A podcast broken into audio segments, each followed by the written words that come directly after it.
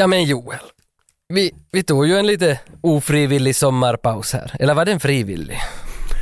Eh, frivilligt ofrivillig. Frivilligt ofrivilligt. Ja för att det var, det, du var liksom, du var och cruisade runt Europa, du i någon hyrbil och, och, och, jag, jag cruisade runt Österbotten. Så att det blev ju lite, det blev lite svårt att hitta den där, ska vi banda längs någon landsväg i, i, i, i liksom Slovenien eller, eller hur, ska vi, hur ska vi fixa bandningen? Men nu är vi, nu är vi tillbaka. Ja, vi var tugga mil i en riktig varsin roadtrips-movie. Mm, mm. Det där, jag, jag, jag tar med mig några notiser bara från sommaren för jag var till det här klassiska Tori, Veljekset Oh. Keskinen. Den här stora varuhuset mitt på landet, mitt i Finland. Åtminstone dåtidens filmmecka kan jag väl säga. Jo, man får dit en gång i året på mellandagarna efter julen och så shoppar man loss VHS-kassetter eller DVD-kassetter. DVD-skivor heter det. För där var ju allt lite billigare. Men nu när jag var där i år, nu hade jag nog dämpat på all den här Blu-ray, DVD-avdelningen, att han var nog hälften mindre, men nu fanns det ju mycket ännu till salu där nu. Men eh, ett minne som jag har så fint därifrån när vi har varit där på, på 90-talet eller början på 2000-talet, så den här porrhyllan, minns du porrhyllan där? Exotiska filmer. Ja, ja, exakt. De hade ju gömt den långt bakom någon sån där skidutrustning ungefär. Och Så, så fick man smyga dit och sen så hade jag ett litet hörn där med lite VHS-kassetter med, med nakna män och kvinnor. Det, var, det var nog, men den, jag måste bara säga att jag hittade inte den där hörnan. Nu hade de dämpat på porren i landet. Ja, men det där har jag reflekterat kring mycket. Alltså hela den där alltså tidningsindustrin och film, filmindustrin, den är ju helt digital idag. Alltså ger man ut saker på, på liksom fysiska, eh, i fysisk form idag. Jag menar, jag kan, i, i Sverige tror jag man aldrig har sålt porrtidningar i, i liksom Pressbyrån eller 7-Eleven. Men här i kiosken var ju liksom, de hade ju översta raden var ju, var ju porrtidningar kort och gott. Men, men finns Ja, det ja. sånt idag om du går in i en R-kiosk? Jo, nu tycker jag att de här Kalle och, och, och Lollo, eller vad det nu heter. Och maailma. Kalle. Ja, men, men i, Sver- i Sverige fanns ju alltså FIB Aktuellt, minns jag nu en sån där titel, som, som, men den är säkert ganska gammal. Mm. Ja, men Fibben var ju en klassiker. De blandar liksom erotik med, med någon typ av liksom kriminalreportage och, och sen mera seriös saklig läsning. Jo, jo. Jo, jo, jo, jo, för FIB står väl för någon sån där folkbildning i, i, i, i hemmen, eller vad det nu heter. Mm. Jag googlade någon gång vad FIB stod för. Det var ju nog liksom någon instans som gav ut de där tidningarna. Det är jäkligt speciellt. Alltså du, du har liksom då en serie med, med erotik och sen så kommer det då ett sakligt reportage. Är det liksom det att du då så här, du är som färdig med din akt och sen okej, men nu, du vet, man är ju aldrig så opilsk som efter att man har, ja, du vet vad jag snackar om. Så då vill man liksom, ja men nu, nu ska vi inte slösa bort vår tid på det här längre, utan nu vill vi, nu vill vi bilda oss. jag vet inte vad syftet var. Finns det säkert någon Ja, ja, men det är väl lite Playboy, Playboy-grejer det där. Det är också där de har ett reportage om knarklangare i Colombia och sen Mm. kommer det nakna kvinnor och sen kommer det lite mera snabba bilar efter det liksom, eller något sånt här. Nej, det är sant. Nej, men, Men- jag har inte reflekterat på länge över det där. Men sådär, på tal om VHS, alltså, eh, och, och, och in, in, gamla porrfilmer, men, men vi har faktiskt fått in nu lite mail av folk som, som liksom har inspirerats av podden och har, har skaffat sig sina gamla VHS-spelare och börja se på VHS-film. Tack till oss, tack för att vi pratar om så mycket och liksom sporrar det här VHS-tittande, hur äkta det känns. Så nu har vi fått lite bilder av folk som, som, som sitter hemma och ser på sina VHS och har hittat kärleken igen. Då blir man ju nog som glad att folk är old school igen. Mm. Men det är ju så, men kommer den att få, för jag menar inom, speciellt inom liksom underground-musiken, så blev det ju C-kassett, som idag är liksom ett sätt att ge ut. Det är vinyl och C-kassett, man är knappt ute, man är inte ute på en CD-skiva längre. Och digitalt såklart. Men kommer det att bli något sånt här då att man inom filmvärlden ger ut det på, på digitalt och på VHS igen? Eller är den Ja, alltså man tiden ska väl, död? ja, man ska väl aldrig säga aldrig, nu kan det hända, för VHS har ju ett, ett affektionsvärde, eller vad man ska säga, att folk, folk gillar ju nog den där VHS, äh, en viss grupp av människor gillar ju nog den här VHS-stuket alltså. Mm. Så att vem vet, möjligen, men hoppas inte de lagar något bättre magnetband, utan det ska vara det där samma gamla. Jo, att jo, inte jo. börja se ut som något HD-VHS, för det, det vill jag inte ha, inga 4K-VHS. Nej, skulle du rent kunna göra det? Nå, nu finns det säkert liksom, möjlig, tekniska möjligheter att göra det. Jo, jo, jo, jo. Jo, jo, jo nu kan, alltså, nu kan man, ju, man kan ju spara hur mycket filer nu för tiden som helst på magnetband och, och liksom arkivera filer på magnetband. Klart att det går att se på film från sådana också i, i hög upplösning. Det Mm. tror jag nog. Ja. ja, ja, men kunde man liksom ha ett datorspel på en C-kassett så varför skulle man inte kunna ha 4K på? Ja, ja, jo, jo, jo. Men, men också som ehm, en av våra glada lyssnare, Nicke Aldén, han kom till, till min svär, svärfar och svärmors gård på sommaren. För att han, han är en sån här, vad ska man säga, han är en utsänd expert på loppmarknader. Han är en loppisexpert. Så han, han går ganska ofta runt och letar efter gamla filmer och sånt på loppis och så skickar han bilder och frågar om jag vill ha ifall han kommer över något speciellt. Och då hade han hittat till mig Gladiator VHSen i mint condition med plast ännu på. Så Åh. fick jag den av honom. så man blev, man blev riktigt sugen att vi måste nog göra Gladiator nu då kanske då man har den i en sån där fin version. Ja, men verkligen. Och då vill vi ju, nej egentligen, men då vill jag ha ett separat pre-avsnitt när du sprättar upp plasten, bara som bevis. Ja, precis. Det blir en video på 20 minuter när man bara luktar på VHS. Ja, ja, ja, unboxing. Det är fan. Ja, Åtminstone ja, för något år ja, sedan var det ju extremt populärt. Ja, ja, ja, varför inte, varför inte. Men, men gällande VHS, lite bara så att jag skulle vilja spekulera med dig, för jag kom över en lista, att innan vi går in på dagens liksom, huvudtema, så jag kom in på en, en lista på de mest sålda VHS-kassetterna i Finland. Och jag skulle vilja bara kolla med dig, att eh, vilken tror du är på plats ett och plats två? Jag tog med mig bara plats ett och två. Att vilka är de två mest sålda VHS-erna i Finland någonsin? Och den som har sålt mest har alltså sålt 250 000 kopior och på andra plats 220 000 kopior. Att kan du spekulera fram här med mig, gissa dig fram till vilka två är de här två filmerna? Mm. Jag har två så här top of mind saker som kommer. Uh, Lejonkungen Ja, den är en av de där två. och sen Mästaret Arenalla heter den väl. Den där eh, konserten som gjordes med liksom Finlands iskelmä elit. Som fan alla hade. Ja. Alla hade ju, det har säkert kommit sådana sådana veckans video på någon sån där filmklubb som de skickade hem. Men, men Mästaret Arenalla fanns tyvärr inte på den där topp 10 då jag såg. Utan det enkla svaret, vilken som är den mest sålda VHSen någonsin i Finland med 250 000 kopior sålda, så är Titanic. Oh, nej, men såklart! Vad fan tänkte Ja. jag på det? Jag hade ju den själv på VHS. Exakt, Ja, och den är ju i vårat spann. Den är ju, den är ju 9606, den är ju 97. Så att det, det, det kanske nog måste bli aktuellt någon dag att vi ger oss på Titanic. Det måste vi. Som jag ännu hör den. Titanic! Som Sean Connery säger när han liksom revealar Best Picture. Klassiskt moment i filmhistorien. Han står där med statyetten och river upp kuvertet. Mm. Vila i frid. Vila i frid, ja. Storman. Stor man. Ja, men vad, det blir ju helt uppenbart. Var, men jag är glad att jag fick ett rätt i alla fall. Och ändå besviken att inte Mästaren alla sålde mer. Men den kanske sålde mer som eh, CD-skiva. Gissar jag på. ja, för den sålde ju nog mycket på CD-skiva också. Ja, det gjorde ju. För folk var ju mera benägna att lyssna på konserten än att se den på, så att säga, live-DVD eller live-VHS. Mm, har du någonting du vill lufta eller fläkta innan vi liksom ger oss igång med Mission Impossible 2?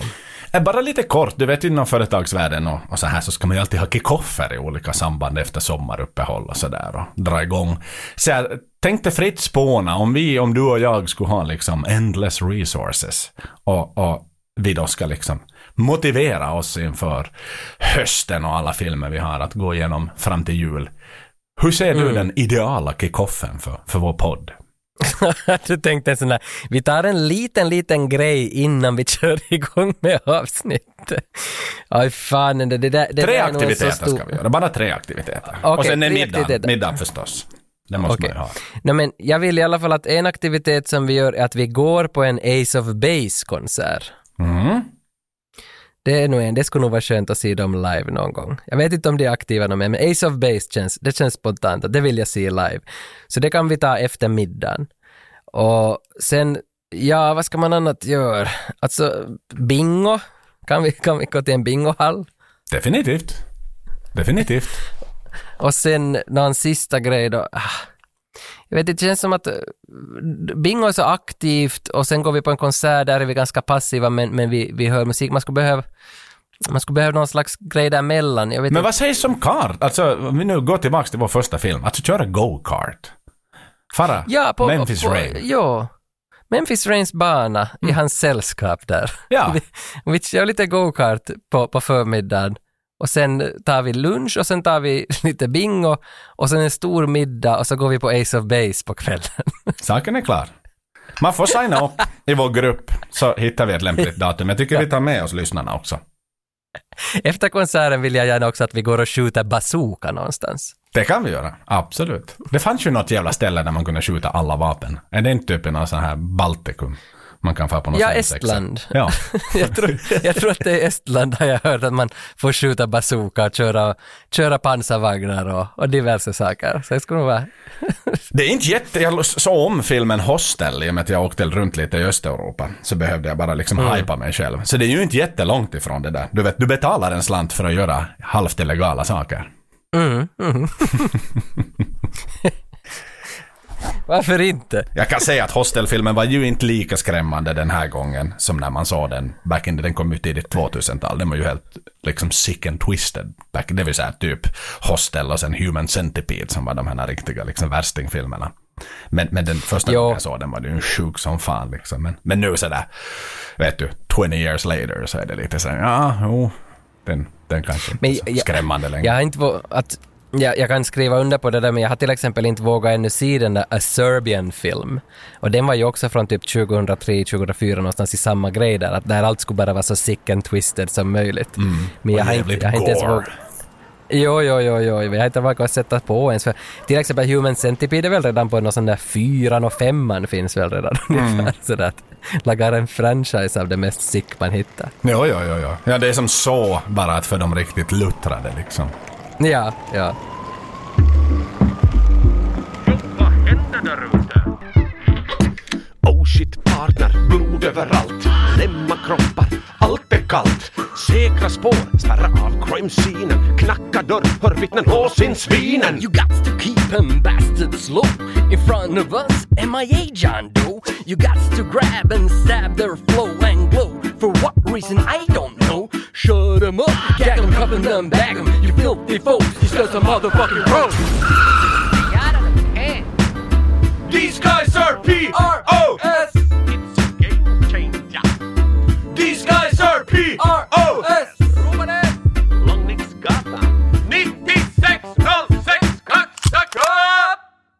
Men, men eh, för att inte lämna allt för mycket i skräckens värld så förflyttar vi oss till Mission Impossible-världen. Som, alltså, den är ju nog helt jättestor den här världen. Att jag, jag försöker mig nu på, jag kan i början bara försöka ta ett litet axplock av vad där finns, för att det finns så helvetes mycket grejer att vi kan inte gå igenom allt Mission Impossible, utan vi har då narrowed it down till Mission Impossible 2. Och varför ska vi besvara lite senare tror jag. Men, men sådär allmänt om Mission Impossible så det är ju en tv-serie från början. Som en amerikansk sån som gick från 66 till 1973 och sen kom det lite senare på 80-talet två säsonger till. Men totalt finns 171 avsnitt av den här serien. Och, och det handlar om en liten hemlig grupp, eller eh, gruppen heter väl IMF, Im- The Impossible Missions Force, som gör, de gör specifika hemliga uppdrag för amerikanska regeringen. Och i serien handlas det oftast om att de ska infiltrera och lura länder på andra sidan järnridån. Att det är det som det kalla krig-grejen som det har gått ut på där i början. Och Stephen Hill heter han som var huvudrollen där som Dan Briggs. Och sen så eh, resten av säsongerna 3 till 7 så är Jim Phelps och det var Peter Greaves, eller Graves som spelar honom. Men har du liksom, är du bekant med de här amerikanska tv-serierna? Har du sett på de här avsnitten? Nej, inte mer än att jag pratar om det mycket med pappa. För vi har en sån här fäbless för, för agentfilmer. Inkluderar då både Bond och- Jason Bourne som vi ofta tittar på. Så, så det var väl egentligen min pappa som fick mig intresserad av just den här agentfilmen. Så han, under sin barndom så såg han på Mission Impossible. Det måste ju ha visats då på finsk tv i tiderna. Och, och, och såklart liksom signaturlåten, alltså theme-sången till, till Mission Impossible är ju någonting man har varit bekant med under alla dessa år. För den är ju jag säger det, den är till och med coolare än, än 007-themesången. Jo, jo, den är jättebra. Den är gjord väl av Lalo Schifrin från Mm. början.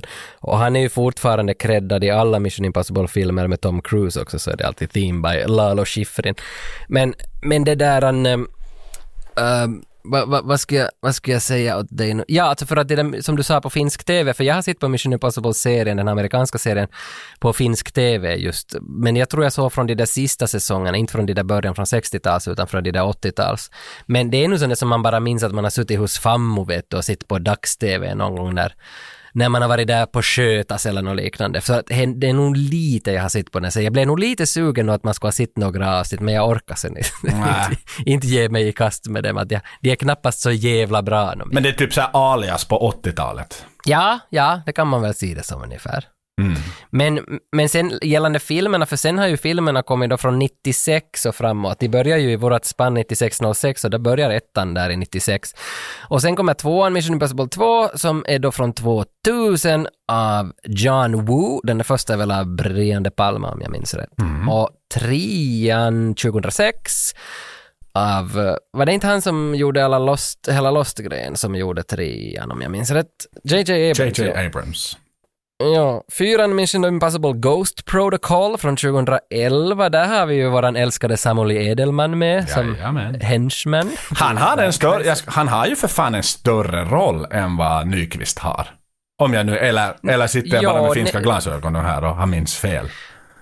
Nej, alltså in, inför det här jag såg på alla de här sex första filmerna nu eftersom jag såg dem under juni månad liksom, för det finns, vad det på More eller vad, det fanns så var jag sådär att men jag ska se de här filmerna, jag har sett dem någon gång för länge sedan men jag hade inte sett till exempel nyaste och sådär så att jag var nog som jätteroligt till sidan och då såg man ju att Samuel Edelman, han har ganska stor roll i fyran. Mikael Nyqvist är som mest med på slutet då de slåss i den här bilbutiken och det ramlar massa BMW ner ur luften. Och, och, och där har Mikael Nyqvist en stor roll, men han är inte med så mycket före det, så att, så att Samuel Edelman är nog faktiskt en viktig karaktär där. Jo, jo, alltså efter Tony Halme är det ju nog kanske det största som har hänt liksom på, på gitarrduken. I finsk väg. Tony Alme var väl med i Die Hard 3. Exakt, när han ger en väska åt, åt, åt Samuel L. Jackson. Eller han tar emot en väska, förlåt. Exakt, ja. Då sen Mission Impossible 5 han heter Rogue Nation och det är väl där som Rebecca Ferguson kommer med, hon som då är svensk, hon från, inte Skilda världar, men vad heter den andra, Nya Tider. Nya tider. Ja, där gör hon väl också sen är hon väl med i en alla eh, efter svensk tidskrift om för de som är alternativt funtade. Nej, fria tider Jaha. heter den, förlåt. Okej, inte Nya Ett annat. Fri- Don't look it up. It's out there. It's not there. Precis. Uh, den där Rogue Nation är ju för övrigt helt jävla bra. Den har jag sett flera gånger. Um, sen hoppade vidare till 2018 och Mission Impossible Fallout. Den, som, den finns också på streamingtjänsterna nu och fy fan, alltså den var ju helt jävla bra. Den hade jag inte sett tidigare. Alltså herregud, där i slutet hade ju någon sån där helikopter chase scene. Två helikoptrar som krockar varandra och jagar varandra i luften. Alltså det, det är helt insane bra den här sexan, Fallout. Jesus Christ. Men eh, sista är väl på bio nu, alltså den sjuan, Mission Impossible Dead Reckoning Part 1, så är just nu på bio och så kommer Part 2 nästa år. Så det finns totalt nästa år finns det väl åtta filmer. Ja. Och det som är anmärkningsvärt just med det här är ju att alla roller är ju, Ethan Hunt är ju spelad konsekvent av Tom Cruise förstås. Och, och tittar Ja. du det här då i någon slags Bond-jämförelse så kom första, ettan kom 96. Eh, och vi är inne 2023 nu. Så han har ju hållit på i nästan 30 år som Ethan Hunt och spelar liksom en, en agent egentligen kort och gott. Och det tycker jag är spännande och, och tänk vilken liksom press det sätter på Tom Cruise som idag är 62 år gammal. Att han faktiskt, jag menar det skick han är i idag. Eh, du hade inte kunnat ha en Daniel Craig som 62-åring och spela Bond. Jag menar han är redan för gammal i, i senaste Nej. filmen. Så är det bara. Ja. Så att Det, är- det, det är väldigt imponerande och han är ju bra, alltså Tom Cruise är ju jävla bra i alla de här filmerna. Han är ju en, en charmig skådis, man ser ju gärna på honom. Att han, han har någon slags X-faktor-charm som, som alltid bara funkar. Han är inte kanske den där liksom, vad heter bad guyen i Mission Impossible 3, alltså se Philip Seymour Hoffman. Hoffman, han gjorde det. Alltså det är ju, det, är ju skurkarnas skurk måste nog säga i Mission. Impossible-franchisen. Ja, han är så isig. Det är så iskall så man blir riktigt rädd att Jo, jo, sinnessjuk. Han gör ju så. Ja. Vila i frid du också, hör du. Det var tragiskt. Ja, dessutom, tragiskt ja. liv som släcktes för tidigt. Jo, jo, nej fy fan. Men han borde nog få vara, få vara, få vara vid liv för att helvete vad bra film han har gjort. Men han är ju en A-klassens superskådis. Tom Cruise är ju mera en sån där han är ju en, en, en riderstång, liksom en sån som man gärna tar i Siva, så att säga. Ja. Men att inte det är något, inte det är något, inte han någon världsklass, men han är ju som superbra på att vara popcornsfilm. Definitivt. Ja, men är hans namn på en poster så går folk och kollar på filmerna. Jo, jo, jo, jo, jo, jo, så är det. Men alltså där, där tror jag att vi har ehm, liksom hela spektrat på vad som finns och vi har ju nu då valt tvåan från år 2000 av John Woo. Som, ja, alltså har du någon, någon teori varför vi har valt den? För jag tycker du var ganska på att vi ska ha tvåan och inte ettan och inte trean som vi också ska kunna ta. Att varför har vi tvåan som vi ska ta? Nej, men tvåan är ju, ettan är ju Ettan är ju faktiskt bra, den är ju en agentfilm i allra högsta grad. Det är inte jättemycket action utan det är en, en jävligt liksom tight story i ettan och det är mycket spänning och spion, du vet man smyger och tassar och har sig. Men tvåan är ju liksom full on fucking action movie. Och det är mest för att liksom ära poddens legacy, tillbaks till, till, till 85-95, så var det ju action. Ja. Det gick in på. Det var, det var muskler, det var explosioner, det var saker som skulle smällas upp kort och gott. Så det är väl mera liksom att skjutsa oss tillbaka. Speciellt med tanke på, på Crocodile Dundee 3 liksom, som, som var ganska långt ifrån action. Jag menar, de krockade med en sån här liten buss på, en, på ett filmbolag. Det var den mest liksom dramatiska sekvensen i den filmen. Så jag tycker det, det är all rätt som vi nu liksom går in i eldens värld och våldets värld. Ja, ja, och det här är ju en första av våra filmer som är en riktigt megastor film. No, Gone in 60 seconds är ju nog också stor, men den här är nog större. Det här är ju en, en riktigt som en koloss. Det här är ju någonting som förändrar världen då den kom. För vad jag minns vad du sa så var det här, tvåan är väl den som som gjorde mest intryck på något vis eh, av någon Mission Impossible, äh, av någon film under 2000-talet där i början, att det här var som en riktig sån där rökare. Jo, jo. jävla, den har inte så jävla höga betyg eh, för att folk, det var väl lite delade åsikter om hela att det var för mycket action och det var för mycket av det här och det här och det funkar inte, det var inte en Mission Impossible-film och sådär.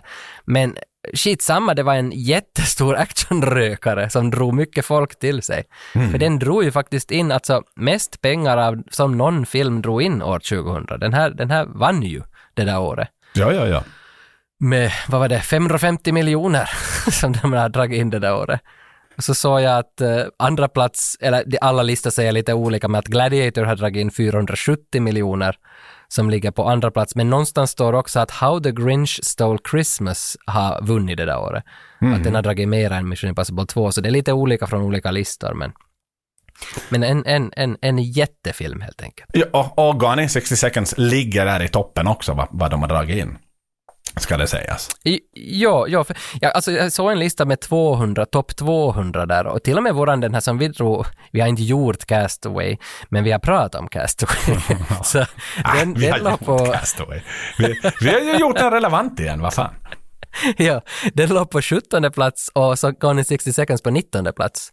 Men här får, du, här får du en gissning. Vem ligger på plats 181? Det handlar om Satan. End of days. Ja, precis. så, så den låg ändå på plats 181 på listan. Det är fint. Ja, men, det, men det, han var ju lite på dekis där liksom, Schwarzenegger under den tiden. Eh, Jag började annars se på hans, på Netflix finns ju den här dokumentärserien Arnold nu i tre delar. Jag såg första delen nu av den. Den är nog häftig, den är nog bra. Och om vi ännu snackar liksom stålar och pengar, så så här, tittar man liksom, eh, det var ju en, en Wednesday opening, så det var inte en fredagsöppning på bio det här. Och eh, den gick upp på 3653 biografer i USA. Och eh, gjorde den då större eh, än Scream 3. Så att det, det var den liksom fjärde största onsdagsöppningen. Inte bättre än Men in Black, inte bättre än Independence Day och inte bättre än första Star Wars-filmen, eller Star Wars Episode 1. Men men Jaha. den, den eh, gjorde, presenterade även väldigt prominent på biografen. Alltså den, den hypades ju väl. Och det här är ju också John Woo senaste film han har gjort är väl, måste vara Face-Off då som är den senaste, så han är ju liksom hot shit här. Och den gjorde ju enorma summor pengar också förstås med, med två liksom A-list casts på den tiden. Jo, alltså producenter för Mission Impossible 2, Tom Cruise själv och Paula Wagner. Och jag tror Paula Wagner och Tom har väl producerat alla om jag inte minns rätt. Det kan hända att jag har fel där, men de har producerat många i alla fall. Och de två, vad jag förstod, så hade liksom talat ihop sig att de ville att tvåan skulle ha mycket, mycket megamassor mera action än den första. Och då hade Tom Cruise just sett den här Face-Off av John Woo, så de var båda överens om att John Woo ska komma in och göra tvåan, att vi vill ha en helt ny touch på Mission Impossible med tvåan. Det ska inte vara det här lilla agentteamet och mer, att nu ska det vara världsklass stor action och därför var John Woo en perfekt regissör liksom. Mm. Jo, jo, nej men det är ju så här, om ettan är finess, så är det här liksom all, det här är ju liksom Schwarzenegger på något sätt. Liksom det är all in action i den här. Det är verkligen Mm, enorm. mm. Så, sen, och sen är du lite då tillbaks, sen blir det någon slags hybrid mellan dem, liksom egentligen framåt då, i de alla andra filmerna som har kommit. Som har finessen av en agentfilm, men ändå håller kvar det här actionen. Att jämför du då liksom egentligen hela, hela, hela sviten av, av Mission Impossible-filmen så är det, det är mycket mer action än i, i Bond. Om du jämför de senaste Bond-filmerna till exempel. Och också en Jason Ja. Bourne. Jason Bourne, jag vet inte om man matchar in honom. Han är ju liksom en agent som ska jagas i alla filmer han då. Liksom en sån här eh, slags liksom utsatt agent då, som till varje pris ska tas fast. Så det är väl kanske inte riktigt samma. Han är fortfarande anställd, Ethan Hunt här för IMF liksom. Eh, Och Bond är ju anställd för, för, för MI6. Så att eh, där är den stora. Men det är ju lite så klass. Det är ju det amerikanska, du vet det. Vi har lite mer pengar i fickan. Ja, ja. Felix Inte- Leiter, du vet när han träffar Bond, så han är ju liksom eh, det, det lilla som Bond har skramlat ihop från sina myndigheter när han ska spela kasino. Sen kommer Felix Leiter, Felix Leiter liksom en säck med pengar och sa att det, det här är peanuts för oss i USA. Precis. Det där, inte råkar du ha sett Jack Reacher? Det är väl också Tom Cruise som agent? Finns väl två, tre filmer av det också? Jajamän, de har jag också sett. De alla tre någon sommar. Eh, Är det, är, var, var jag bra då? De är faktiskt riktigt bra. Där är det ju också att han är en sån här utsatt eh, typ liksom. Och, som ska liksom prove his innocence grej. Riktigt spännande faktiskt. Måste jag säga. Ja, John Wick okej, har jag jag aldrig sett däremot. Ah, okej. John Wick 1 har jag sett, men inte i det andra. Ettan är helt jävla bra, men vad jag nu förstår att den här John Wick 3 eller det 4, vilken som är nya, så ska vara helt svinbra alltså. Mm. så att, det- men jag har bara kollat ettan. Ja, men det är Men- cool men- med så här spe- underdog-spänning-filmer. Folk, mycket pengar i, i budget och liksom. Ett solitt manus. Men det behöver inte vara det bästa. Ja. Nej, nej, nej, nej, bara den inte har för mycket hål. Mm. Liksom för att så, så behöver man inte störa sig på att saker och ting inte stämmer. Nej. Bara för att städa undan det sista här då med budgeten. Den har kostat mellan 120 och 125 miljoner att göra. Så, Och så inte har- mera, okej. Nej, så att det, på det sättet. Men, men den är ju utspelad i, inte, inte för nu spoila jättemycket här, men det är ju som one location den är utspelad på. Man har ju inte liksom ränt runt hela världen för att göra den här Nej. filmen heller. Så att det, det sparar väl på en, en, en hel del kostnader kan jag tänka mig med. Med olika tillstånd och olika, ja men förstås, fees för, för actors och ditten och datten och, och, och vara, om man ska vara på tre olika världsdelar och spela in en film. Stämmer. Och någonting som rimmar på stämmer så är ju simmer. Hans Zimmer, som har gjort musiken. Alltså, det här soundtracket är på riktigt bra. Här finns ju massa Gladiator-influenser på musiken. Och samma år har han gjort musiken till Gladiator, att han har ju varit om riktigt stora filmer, alltså dragit in alltså miljarder de här filmerna det där året, medan han har gjort musiken till flera av dem. Vilket lite får mig, för det är, precis som du är inne på, där satte du huvudet på spiken, det är ju extremt mycket Gladiator, speciellt om han har liksom, du vet när man går och rör i seden, liksom på sädesfältena. Liksom, det är ju bara sån Ja. musik i den här filmen. Och då fick jag liksom, är det här liksom slasken från Gladiator? Som fick komma med. Kanske, vem fan vet. Men alltså, vad heter hon som sjunger på Gladiator? Hon heter Lisa Gerard som sjunger på Gladiator soundtrack och hon, den är, hon är ju på flera av hans soundtracks och sjunger. Man on Fire tror jag också med Denzel Washington. Och hon har ju som, som liten så hittar hon på något eget språk som hon fortfarande sjunger på. Att det där språket hon sjunger så finns inte på riktigt. Det är hennes egna ord bara som hon tycker att betyder någonting. Och, och lite sådana, alltså för där i Gladiator så är det det där Hanon, Sharon, Nonon, Billy, den den John. Fortsätt Tage, fortsätt. Exakt. Men man, man, man hör ju lite av den här touchen också i Mission Impossible 2 i, i känsliga scener så känns det som att, jag minns inte, kommer det en röst in eller, eller var det utan röst, jag minns inte helt, men samma touch som Gladiator i alla fall med sånggrej. Men var det nu inte på den här tiden Enya också var populär och det skulle vara en massa sån liksom vackert svammel? Jo, jo, sant, sant. Vad hette Enyas bästa? Once eller... One, Jag minns inte. Det var bara ett sånt svammel. Det är sånt som man lyssnar på när man gör yoga. Mm,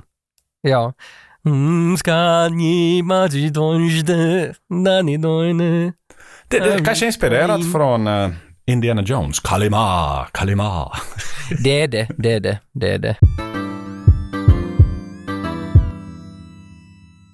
Hör du, Tage, vi pratade om musik i typ första avsnittet. Sen har det varit lite sådär på dekis för det har inte varit jättespännande soundtrackar eh, som har hängt med filmen. Men det här var ju på den tiden när folk köpte soundtrack och man släppte till och med en singel inför en film. Så stort var det.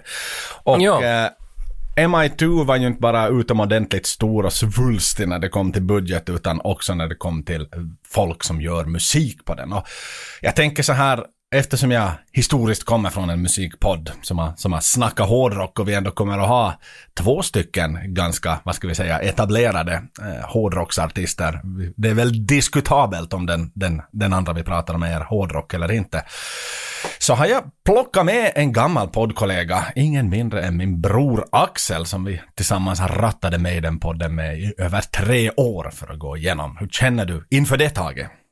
Alltså jag tycker, för jag, jag tycker det är skitspännande för att det finns ganska mycket tror jag att säga om, om, om de här låtarna. För Det är ju stora svulstiga kolosser de här låtarna. Om man kollar in liksom Limp Bizkits mest streamade låt så ligger den ju där i toppen ungefär. Det är väl bara break stuff som är mera lyssnat men, men alltså det är definitivt värt att dyka ner i det här soundtracket och inte bara sjabbla bort det på två minuter utan vi måste ha en expert, en, en utbildad vetare inom musikvetenskap som vi borde få med oss på tråden. Definitivt. Så varmt välkommen Axel! Hej, tack ska ni ha. Vad roligt, vad roligt att vara tillbaka bakom mikrofonen med er. Ja, ehm, det här är ju 2000-tal, så det, liksom, det blir inte, tror jag, mer 2000-tal än just de här två låtarna, känns det som, eh, som släpptes i samband med, med den här filmen då. Eh, ja, eh, viss, alltså, jag tycker båda har åldrats eh, fruktansvärt. Uh, ärligt talat. Ja. Men, men det där. Okej, ska vi... Men det var ju ett stort fenomen och jag minns det och jag liksom går tillbaks in i någon sorts trauma då jag lyssnade på båda två av dem. Liksom både Metallicas låt och Limp Bizkits låt. Ska vi nämna låtarna vid band och fullständiga namn på de här låtarna Ja. för de som inte har sett filmen? Absolut. Så vi har då eh, Limp Bizkits Take a Look Around som, eh, som är liksom då en anpassning, en nu metal-anpassning av det klassiska eh, titelmelodin, så att säga, till Mission Impossible-franchise. Och sen har vi då Metallicas I Disappear som en, en, en låt som Metallica nu gjorde och väl som hörs i något skede av filmen. Eh, eller något sånt här i, i någon, någon, någon Den är scen. med i end credits. Ja. Okej, just det. Så det är en sån. Precis. Ja. Ehm, och Men- vilken men vill vi jag- börja prata om? Jag vill vi- bara tillägga här innan vi pr- vi pratar om att uh, Limp Bizkits låt Take a look around, den hörs ju i princip aldrig i filmen. Förutom lite slängar från den någonstans och sen i sluttextens andra del så hörs bara den rockiga delen av låten. Själva rappen hörs ju aldrig i filmen. Nej, så nej. därför tänker jag mig liksom innan vi går vidare att jag bjuder på den här rappen åt er. Är ni med nu då? Så bjuder Jag jag, på med. den. Okej. Kör! Okay. All the tension in the world today. All the little girls filling up the world today. When the good comes to bad, the bad comes to good. But I'ma live my life like I should, like I should. Like I should. Now I look and just wanna hit it. You shit, shake head, ever did it? Just because they don't get it. But I'll stay fitted. New era committed. Do this red cap gets a rap from his critics. And do you always gotta cry? Do you always gotta live inside a lie? And life's just a blast. The movie really fast. You better stay on top of life or kick you in the ass. Ass! Nice! Ser du? jag visste inte. Jag Ah. visste inte att du kunde så där mycket. Nej, jag har- jag har ju skillsen. Jag har ju skillsen. Men vad fan, vi börjar, vi är ju inne. De, de, det blir ju Fred Durst. Det blir Limp Bizkit. Det blir Take a look around. Som vi kör igång med. Ja, eh, vad kan man säga så här som en berättelse lite runt låten om vi liksom eh, inte riktigt pratar om musikaliska innehållet ännu. Vi fick ju en del av det här ur Tages mun förstås. Eh, eh, så här också copyright, eh, så där lagarna är på vår sida. Men, men det där, eh, det var då liksom en det blev lite av en tävling. Det skulle pitchas uh, vilket band och vilken artist som skulle eh, ha en låt då. Kanske då främst för att på något vis marknadsföra filmen, känns det ju som, om, om då fallet är att den här Take a Look Around inte riktigt hörs i filmen heller, utan den hypar väl mera att filmen ska komma. Men um, det var inte bara Limp Bizkit som var med faktiskt i, i då, draften till vem som skulle få göra låten, utan det var stora artister också, bland annat Moby, Korn var tillfrågade, ehm, vad har vi annat? Ma- Chemical Brothers, eh, mycket stora liksom artister runt, runt uh, millennieskiftet. Men mm. Limp Bizkit vann för att de, de hade liksom den bästa demon. De tyckte att de hade fått till en just gjort en tolkning av den här titelmelodin på ett fräscht sätt och som tog in den här filmfranchisen på något vis till, till samtiden. Och nu metal var ju förstås det hetaste heta då. Um, så det är ganska intressant. Det skulle kunna vara Korn eller det skulle kunna vara Moby. Och alla, alltså samt, eh, I alla fall Moby har alltså gjort en låt. Och jag tror att Chemical Brothers också gjorde en låt. Men de har väl aldrig blivit släppta eh, på det sättet. Um, en annan kul sak var att, att Limp Bizkit fick då grönt ljus, att sådär okej, okay, er BC ska vara med. Uh, och just i de dagarna så släpptes en väldigt stor singel av uh, Limp Bizkit, Nuki. I did it all for the Nuki. Otroligt oh. maklöst också. uh, Vad är Nuki? Nuki är väl liksom musen. Vaginan. Ja. Slidan. Ja, det är den där, det är den där stick it up your uh, stick it up your uh, stick it up your uh. Alltså, bara, bara liksom, liten notis bara, när jag har filis på kvällar brukar jag kolla på olika live-framträdanden på YouTube och ett av mina återkommande som jag senast såg liksom bara förra veckan, Elin Biscuits Nuki, då de gör den på, är det Woodstock eller vad de gör den när mickarna inte funkar i början, alltså don't play that shit Wes, don't play that shit, can you hear me out there? Och sen så hör ingen och sen till slut drar det igång don, don, don, don, don, don, Ja, och den är ja, så jag- charmig. Jag håller inte alls med om att den är gräslig, den är Och on that fantastisk. note, bara, vad, den här Woodstock skandalfestivalen när allt brann upp och, och Ja. var det här innan eller efter det? För jag menar, alltså starkt byggde det på deras brand, Limp Bizkits brand, den katastrofartade Mm. festivalen eller försämrade liksom Limp Bizkits brand? För de, vi har alla sett dokumentären och de är ju liksom uppviglade till våld. Ja, säkert både och. Det är väl lite som de här parental advisory stickersen, att liksom en, en de, de blev ju anklagade av arrangörer och säkert av en massa konservativa människor för att ägga upp stämningen mera, men samtidigt tror jag att all skandal bara ledde till att de blev mera berömda. Vet du, att, att, att det backfire på det sättet. Men, anyway, ja, det här, men processen då för att få låten in i filmen måste väl vara före Woodstock 99 i och med att de spelade då Nuki på Woodstock 99, antar jag. Så det här är väl en tid före filmen liksom har släppts, och musiken har släppts. Men anyways, Nuki blir en enorm hit, uh, vilket också ger uh, Limp Bizkits skivbolag Interscope uh, ganska mycket, vad va, säger vi, spelrum, svängrum, leverage, förhandlingsmöjligheter för att lite trill, uh, trissa upp priset. Och uh, som jag har förstått, och liksom produktionsbolaget bakom filmen så blev lite nervösa och var sådär att det finns en risk att vi inte får den här låten nu i och med att, att det kan bli för dyrt, helt enkelt. Aha, okej. Så då kastar man alltså pengar för säkerhets skull till en massa andra artister, bland annat Kid Rock eh, tog sin eh, mitt i allt, ur ingenstans, för att göra en låt för säkerhets skull, om det skulle vara så att den där dealen inte skulle gå igenom eh, med Limp Bizkit. Men det blev ju ändå Limp Bizkit, men att det Tänk vad mycket pengar som har slösats, alltså A, för att få de här alla artisterna att göra sina demon, så det måste Ja. kosta hundratusentals dollar per artist antagligen. Och sen ännu för att kasta Kid Rock som inte ens har någon garanti att komma med, så har ju nog också säkert varit sådär att "Nå, men nu kan jag göra en låt, men nu vill jag ju ha massa pengar. Ja, ja. Om det inte finns några garantier över att det släpps ever och att jag gör en massa jobb. Liksom. Så det här är ju nog heydays, delvis för musikindustrin, men också för för liksom, det, det, men det fanns pengar i Hollywood, låter det som helt enkelt. Mm. Eh, något så fruktansvärt. Ja, så där är lite bakgrund, eh, bakgrund till hur det kom sig att Limp Bizkit kom med i, i Mission Impossible 2. Ah. Och, och bara on that note, liksom, det är ju ett fenomen på den här tiden. Jag menar, idag gör man inte musik dedikerad till filmen med undantag för Bond. Men liksom hela, hela um, Men in Black-grejen med Will Smiths Mm. theme songs och, och den delen. Att det var ju nästan så att släpptes det en blockbuster så skulle det komma en tillhörande singel till den. Ja, jag kommer inte riktigt på något andra. Alltså nu, var det ju no, nu hade ju låtar blivit stora i samband med filmen, men det är ju inte samma, riktigt samma sak. Man använder inte som samma verktyg, kanske. Nej. Nej. Eh, så här. Och just i, i det här fallet då, ehm, med också videon till Take a Look Around, som Fred Durst har tydligen regisserat den själv, eh, har jag också lärt mig. och skrivit manus till den.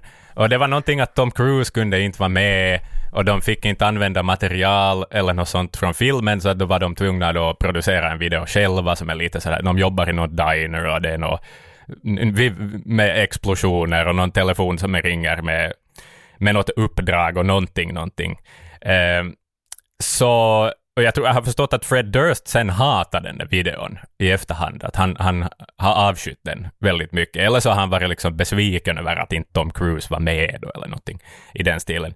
Um, Ja, men vad ska vi nu säga om den här låten? En annan intressant uh, sak, om vi nu ska komma in på musikinnehållet lite och lite andra sådana här uh, skeenden som skedde samtidigt, så eh, Take a Look Around var nominerad till Best Hard Rock Performance i Grammys 2001, men de konkurrerade med eh, Rage Against the Machines Guerrilla Radio. Och sen slog, uh, Guerrilla Radio vann, men det slog mig också hur lika Guerrilla Radio och Take a Look Around egentligen är. Att dina rifferna är väldigt lika. Eh, om vi då har och sen har vi Guerrilla Radio som går det går ju, det är nästan samma riff. Ja, exakt. Ja, det är nästan, ja, ja, ja, ja, faktiskt ja. Men jag är glad att det var ändå Rage Against the Machine som vann, vann den Grammyn. Det, det är de nog... Det, Ja, men de har är ju åldrats alltså- lite bättre. Rage Against the Machine är liksom finkulturens rap metal, medan Limp Bizkit verkligen inte är det. Men, men, men vart lägger ni in Korn? Hör inte Korn också till det här nu metal, rap metal grejen? Ja, ja, det gör de nog. Och de har åldrats lite. De har ju en fanbase kvar ännu. Och de har, ju, de har ju fortsatt att göra album som faktiskt någon lyssnar på. Till skillnad från Limp Bizkit känns det som. De, Limp Bizkit kom ju med någon, vad hette den, Dad Vibes eller något sånt, någon låt för ett par år sedan. Ja, alltså 2020 eller 2021 så släppte de en skiva om jag förstod det rätt. Just det, liksom. så Men, var det, ja. men däremellan har de nog haft ett break sedan 2005 eller något sånt. De har nog haft en lång paus då de inte har släppt, men de har nog turnerat vad jag har förstått liksom. Okej. Och så är det alltid någon ny Wes Borland där, någon buckethead av något slag som, som de byter Just ut hela tiden. För det är alltid den där Wes Borland som var den där, han var väl målad i ansiktet vit och svart, lite sådär, vad heter det där, när man målar sig goth i facen, och det finns en titel för det. Ja, Men, någon men sån här smink och någon sån här lång, lite som Ghosts medlemmar. Ja, Så ja. ut som. Ja, det, det verkar ju vara lätt att byta honom liksom. Att det verkar alltid vara någon ny som är, är han. Jepp, jepp. Men eh, vad, vad vi nu ska, alltså Riff är ju med förstås, det är ju en tydlig, liksom, eh, tydlig hänvisning till Mission Impossible och, och jag måste ju säga att det är ju faktiskt ganska bra ändå i, den, i Take a Look Around. Den funkar i det här liksom ar- arrangemanget. Sen har ju texten ingenting med filmen att göra utan det är bara något Fred Durst ska skydda sig mot alla haters. Ja. Eller något sånt. Det, det är väl ungefär det den handlar om. Eh, med hans whiniga, eh, liksom, eh, white guy-rap. Eh, så här. Ja. Men jag, jag vet som inte riktigt vad man ska säga mer. Det är en ganska lång låt också. Den är fem och en halv minut, vilket är, är väldigt långt för en, en singel. Men det var ju andra tider också. Att, inte vet jag nu om, om det tar nästan 40 sekunder innan sången ens börjar i den här låten. Så det, det är ju helt intressant. Alltså jag ska villigt erkänna, jag köpte den här singeln när den kom i Antilas Top 10, så gick jag och köpte den lilla tunna plastfodralet och, och jag tyckte fan om den här låten när den kom just för att jag, som jag berättat tagit tidigare, tycker om themesången väldigt mycket och, och det var ju lite så här, i och med att det är ju mycket distade gitarrer. Alltså, jag tycker den är välproducerad, musiken. Och den, den ja. är liksom, och, och inom versen, de där plinkande gitarren. Så att, där är den true, eh, måste jag säga. Eh, Men så jag tycker allt är bra förutom sången i den här låten, faktiskt. Alltså, ja, det, det håller jag helt med om. Alltså, jo, jo, bandet gör bra ifrån sig. Jag tycker om alla splashar och grejer som finns i trummorna också, för det är så 20, tidigt 2000-tal. Det också. Splasharna försvann sen. De där små symbolerna som låter sådär fjantigt och kort. Ja. Eh, men det var, en, det var en stor trend. Då, men det är helt sant, de har fått med väldigt mycket av originalmusiken i den här nu metal-varianten som ändå funkar på egna ben. Liksom. Att inte har man behöva höra Mission Impossible teamsången för att ändå kunna gilla den här. Liksom. Att den, den håller ju ändå ihop ganska bra. Så, så där har du nog rätt, men det är nog mest Fred Durst tror jag som inte liksom, hans grej har inte åldrats särskilt väl. Ja. ja, för jag tycker däremot om den här låten ännu. Jag har satt den på mina viktiga låtar spellistor och kan lyssna på Oho. den gladeligen ännu. Liksom. För jag tycker Fred Durst, ja, säkert för att man är väl mest mottaglig för nya stilar och ny musik och nya sånt som man ska börja gilla längre fram i livet just när man är kring vadå 15-16 och jag var ju fan, jag var 16 då den här låten kom, just i den perfekta åldern att få in något helt nytt och det har lämnat kvar sen dess ända lyssna på den här låten ännu liksom. Jag, Ja. jag, jag tycker att den funkar och, och, allmänt Limp Bizkits, den där hela Chocolate Starfish and the Hot Dog Flavored Water skivan är jävla bra fortfarande, tycker jag. Ja, ja alltså jag, Break Stuff kan jag gå tillbaka till eh, fortfarande om jag är arg, för jag tycker att den, den är så bra, sån en arg låt. Eh, men, och det ska sägas att alltså, jag har ju idoliserat Fred Durst jättemycket. Jag ville vara Fred Durst då jag var vad det nu var, 10, 11. Och jag funderar mycket på varför, så här i efterhand. Varför?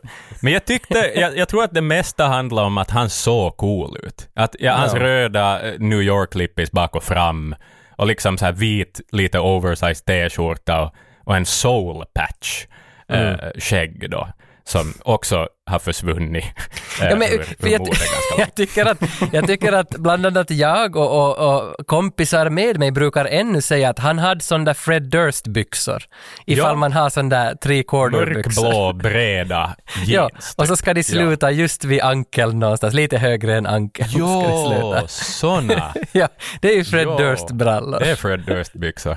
ja, men han var väl ett fenomen av sin tid och jag vet som inte varför han blev en så stor ikon. Men jag, jag- alltså om vi nu återgår just till det här Woodstock 99-pratet och de här dokumentärerna som gjordes kring det kaos som var Woodstock 99, så där kommer de in musikjournalister och andra som kommer in på det där att han var väldigt relaterbar på något vis. Att han, han var som han var likadan som deras publik. Att han var liksom inte en stjärna, han var, han var en ganska sån här average dude på något vis. Och att det var det som folk gilla eh, med det här bandet. Och, och att han tilltalar just en sån här frustrerad ung manlig publik. Eh, ofta vita, eh, vita unga män som hade mycket aggressioner i sig, som kanske hade blivit åsidosatta under, under lamman på 90-talet och inte riktigt fått, fått en Ja, uppfostran på något vis. Möjligen har du helt rätt i hela analysen. Ja. Jag tycker det är en jättefin fin analys. Alltså, men ja, ganska klockrent. För han, han är ju, alltså, ja, som du säger, jag skriver under på vad du säger, men han, han har väl också lika mycket haters som han hade lovers, liksom. Alltså, Jo, Att alla rappare måste ju ha avskytt honom. Alltså alla riktiga Ja. rappare måste ju ha avskytt honom. Eh, Ja, och, och det, väl var också ju där- alltså... ja. Det var ju den tidens, uh, så Nickelback, de var ju i och för sig populära samma veva, men det var ju ett sånt här, för jag kan erkänna det att jag lite smyggillar Limp Bizkit ibland, men, men min Mm. image säger att jag måste eh, säga att jag inte tycker om dem för att de är Ja. fåniga och de är fake. Men så, så här, det som, när jag spelade trummor back in the days, det fanns ett, eh, jag hade en liksom så här konkurrent, han hette Jonny, som, som också spelade trummor. Och, och det som avgjorde om man var en decent amatörtrummis eller en skitamatörtrummis var om man kunde spela eh, trumintrot till My Generation. Ni minns det där. Och jag kunde inte då, jag kunde inte då, men jag kan det nu. Så att på det sättet så har jag liksom appat mig själv lite i alla fall. Och jag brukar öva på det ibland bara för att så här, se, se att det fortfarande sitter. Det är lite som att jag fortfarande måste testa en viss gräns på bänkpress när jag går på gym bara för att se att det fortfarande finns där. Just det, precis. precis. Jag för, ja, ja, ja, bevisa för dig själv att det liksom går. Ja. Även om inte Jonny är med någon mer, så vet Nej, nej, nej. Skulle han vara där? så. Ja, ba- Så det är det för, första för, jag skulle spela för fan. ja, for the record, Jonny, Jonny lever fortfarande. Han är fotograf och bor väl i Sverige. Just det. Men han, han är inte död. Ja. ja. Men, Men My har en- Generation är kanske min favorit Limp Bizkit-låt. Bara sådär för, för, det, det var den jag gillade mest i tiderna. Jag har inte lyssnat på den sen dess, men jag tror jag ska ge den en, en spin här efter att vi har pratat färdigt. Det är rätt. Och med det, vi har mycket att, hinna igenom i det avsnittet. Vi har då den andra höjdpunkten på, på soundtracket, nämligen Metallicas I Disappear. Ja, eh, b- b- vad ska vi nu säga om den? Den är ju rolig på det viset att det är ju den låt som startar hela kriget mot piratismen. Eh, från liksom... Eh, Metallica var ju jättehögljudda i sitt krig, verbala krig och rättsliga krig mot Napster. Och det här var låten som började allt. För de hade alltså gjort då den här låten då för, för filmen ehm, och mitt i allt en dag så hörde de den på radio. Och då hade de alltså inte släppt den ännu. Och då började de backtracka och varifrån hade det här månne läckt. Och då hittade de till Napster. Och på Napster hittade de också hela resten av deras diskografi, som ges bort helt gratis. Och det blev de ju fly förbannade över. Kanske mest Lars eh, blev fly förbannad över det. Eh, så att på det viset är det ju en historisk låt. Alltså sådär, ja, den säger jättemycket om tidigt 2000-tal. Och rent musikaliskt... Så du säger nästan att det här är liksom, det här är musikens skotten i Sarajevo. Alltså, men det är ju det. Det är precis vad det är. Ah, även om det fanns hundra miljoner andra skott, men att det här var just det som kanske råkade träffa rätt på något vis. Så att, ja. Bra, fint, fint fångat. Hur, hur gick den där courtcasen? Vem, var det Metallica eller Napster som vann? Det minns jag ärligt talat inte. Mo, nu måste ju Metallica ha vunnit. De hade ju lagen på sin sida. Men, eh, men de blev ju nog hatade ändå i, i, liksom till på köpet, för det här var ju en tid då... Nej, alltså det var ju en tid då ingen respekterade att de klagade på det. South Park gjorde ju avsnitt om att Metallica liksom... Åh nej, nu hamnar de och...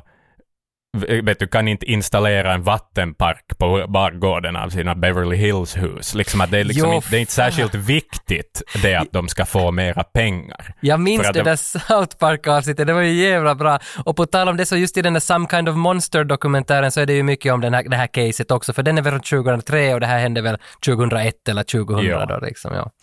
Jepp. Jag läser här att Napster eh, blev tvungna att gå igenom sin katalog och plocka bort allt. Eh, Okej. Av Metallica, ska det ju sägas, inte av något annat. Just det. Varför skulle de ha gjort det? Exakt. Ja.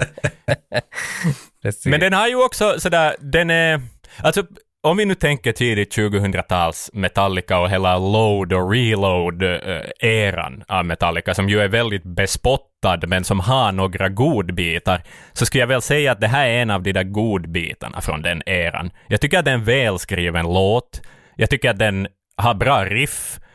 Eh, och den har en, en, också en liten sån här, det här är före Saint Anger, men den har liksom lite det där virvelsoundet, även om det är inte en lika stor kakbuk burk som på Saint Anger, men kanske en lite mindre. Men att den har liksom den där klangiga, klonkiga, metalliska virvelsoundet. Eh, och, och jag skulle kanske till och med våga, våga hävda, James Hetfield är ju berömd för sina gen och alla diftonger han st- kan stoppa in i Hey yeah! och yeah yeah! Och det här är kanske den Metallica-låt som har mest diftonger på E och A och Ä. Eh, så här. Att, eh, det, är nästan, det finns vissa rader han sjunger som inte ens är ett ord, utan han bara liksom på något vis. Vad är det som, som, eh, vad är det här, som jojkande nästan, eller någon sån här, vad är det, sån kulning, då man skulle sjunga till får någonstans i svenska fjällen på 1700-talet. Så det är lite såna vibbar över Ja, hans, ja, ja. liksom att det är bara ett sånt här spontant sångglädje av alla Hetfield som kommer ur honom. Ehm, ja, men det är det. det, det. Men det här var också en låt som jag, alltså, jag hade inte lyssnat på den här sen kanske 2003. F- f- före då. Och sen mitt i, jag hade helt förträngt den här låten. Jag, jag visste inte att den fanns. Jag hade inte tänkt på att den existerar. Och just kanske för att den inte är på något album. Att jag blir som inte påmind om den heller, annat än att nu ska vi snacka om Mission Impossible 2. Och då, då, liksom, då, då blir folk påminda om den. Så det, jag, jag är glad, både glad och, och på något vis... Ja, nej, jag, vet, jag har svårt att förhålla mig till den, men den är helt, den är helt okej. Alltså, Mm. Ja, det är inget fel på sången. Så är midtempo, klassisk Metallica. Mm. Mm. Får jag ändå lov att Ja. säga. En fråga till er. Minns ni vilken var er första låt som ni sög ner? Någonsin. Illegal nedladdning. Oh. Jag, Jag jag, hade min... Mm, nu börjar du Tage. Ja, jag, vet, jag vet vilken jag har, men alltså det, det, är en, det är en cover på den här Johnny B. Johnny B. How much there is to see, just open your eyes. Den här låten, Ah. men den gjordes av, ett, av en rapduo som heter Down Low, tror jag. F- Typ någon sån där 2001 eller något. Och då var jag hos Musen och så hade han visat, har du sett det här Napster? Och, så, och så tog vi ner den och, och lyssnade på den och så tog jag hem den på sex disketter eller något sånt där som man packade upp det med vin, Winzip vet du. Och så tog man hem och lyssnade på Down Low Johnny B. Men det är väl egentligen, det är väl en cover av en 70-80-talslåt av någon känd eh, liksom Johnny B. Good, nej inte, fan, nej fan minns inte vad artisten heter. Ja, men jag det är en vet låten. Jag vet låten. Ja. Mm.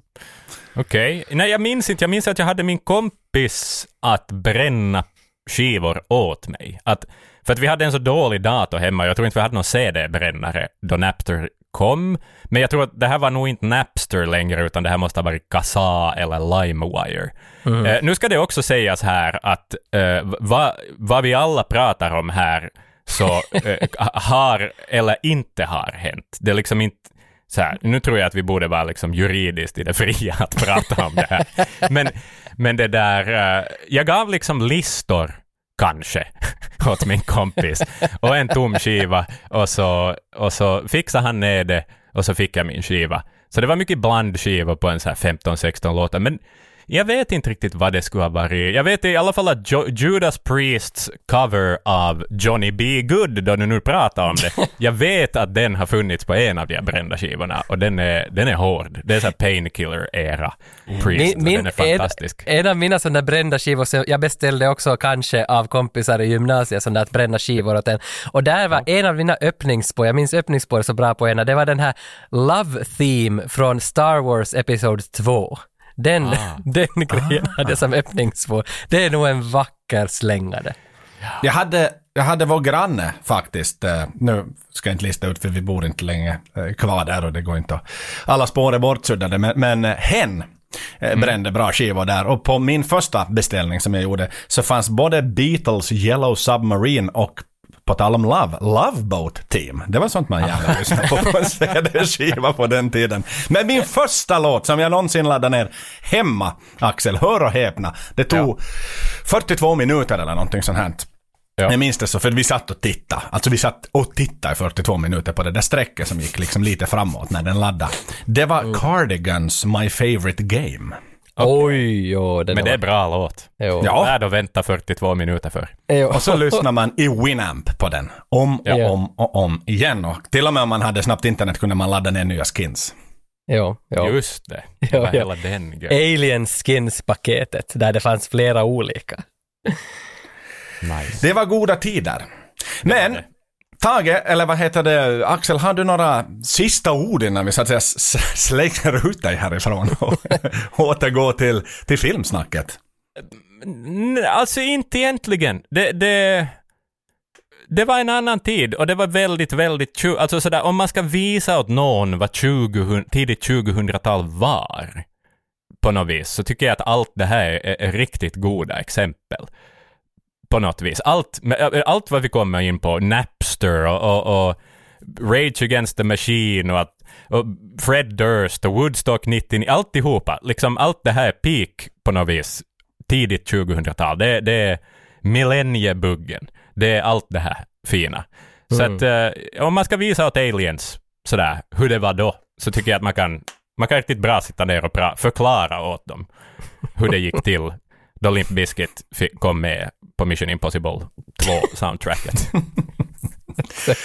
Tusen tack Axel för den här redogörelsen. Fantastiskt djup och fantastiskt med lite liksom nästan en stand-up emellanåt också tycker jag.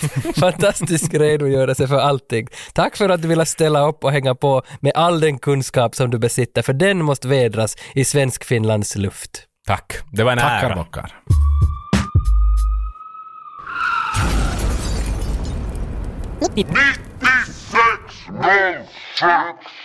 Äh, det där, en- ska vi ta några ord om Tom Cruise innan vi ger oss i kast med filmen? Eller har du någonting om John Woo eller så? Jag har, jag har nu bara valt att ta en liten Tom Cruise Nej men han här. blir ju aktuell igen med tanke på att det var ju hans kompis som han promotade då i den här eh, Mark Wahlberg-filmen som jag hatade.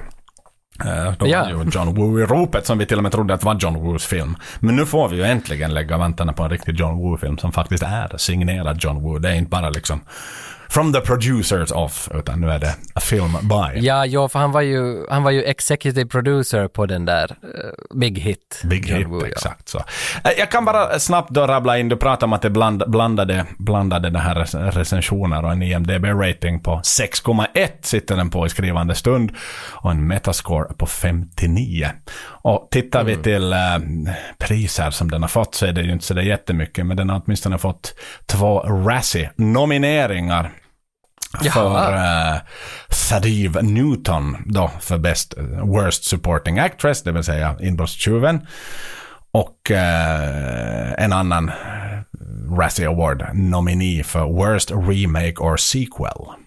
Jaha, så den, okej, så den var liksom så, så illa. Ja, så pass illa var den trots att den spelade in så jävla mycket pengar. Sen vann den en Critics Choice Award, Hans Zimmer, för musiken. Så det var ju fint, men det har ju inte jättemycket med storyn och filmen att göra. Nej, nej, nej, nej, för musiken är faktiskt och jag till och med lyssnade på soundtracket i efterhand lite Mm. från, från någon streamingtjänst.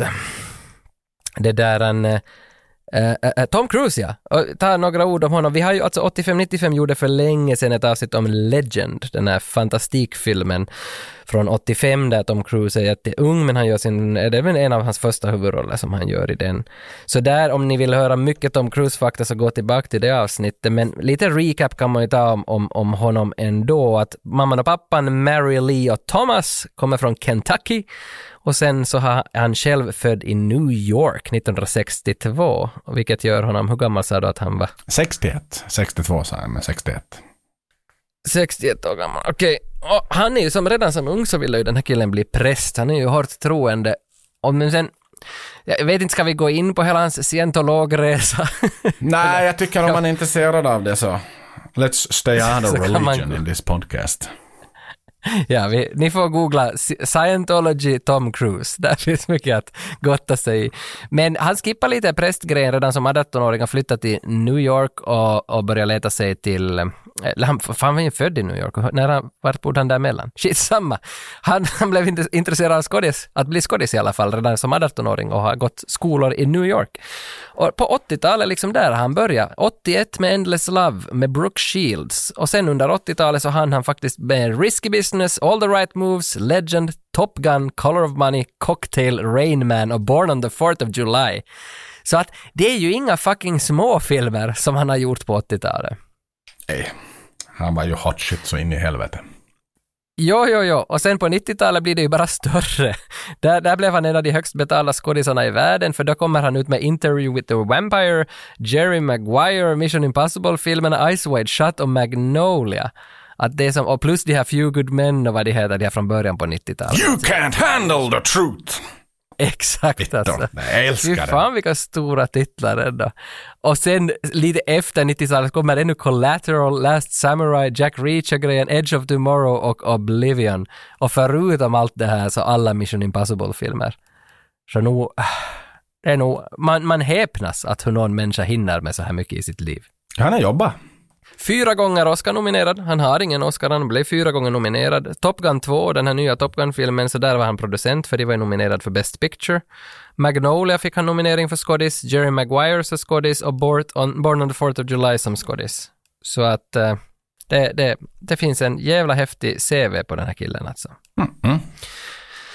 Och som det vanligaste som alla säger om honom är just det att han gör sina stunts själv. Lite som Jackie Chan, han gör de flesta stuntsen själv. För det, det vill han, för det ska vara så äkta.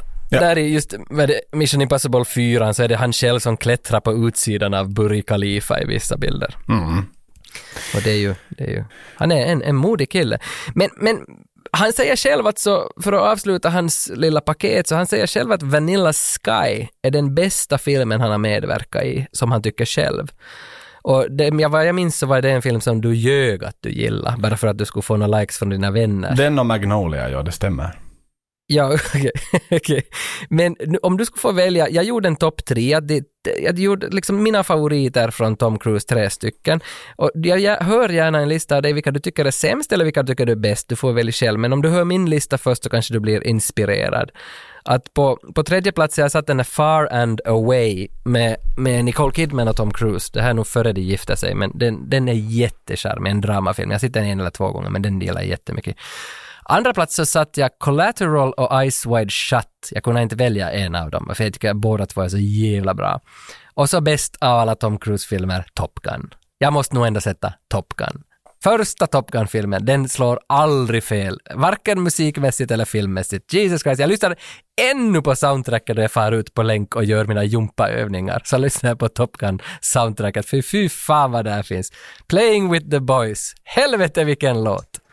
Den, den, jo, jo, nej, men den är fin. Den är fin. Jag vill ändå slå ett slag för, för Top Gun 2, som jag tycker är en fantastisk uppföljare. Top Gun Maverick. Jag kom med typ noll förväntningar och så den. Jag tänkte att det, vad är det här för skit? Men, men den är sjukt bra. Jag måste säga det. Den är helt sanslöst bra, Top Gun 2 också. Och det är en fantastiskt värdig uppföljare, så många år senare. Jag, kan, jag droppar några nämnvärda. Jag är inne på det med Collateral också. Han spelar ju den här uh, mördaren där med grått hår. eh, Lönnmördaren. Ja. Väldigt uh, välgjord. Så en dämpad film. Eh, sen vill jag också en liten sån här eh, mindre film, eh, The Firm.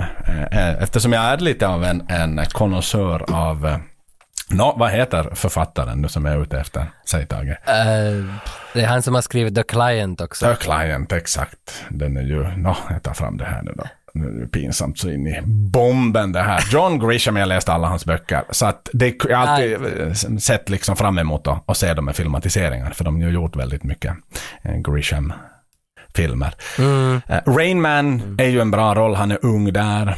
Sen en liten biroll som han är skojig är ju Tropic Thunder.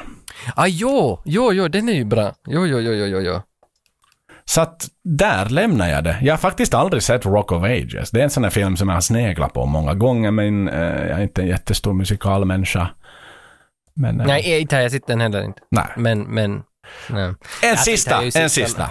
Som, som har haft en stor betydelse för mig också, som, som säkert kanske till och med faller under vår, vår kategori här. Eh, Minority Report tycker jag är en spännande Oj, futuristisk film. När han sitter och...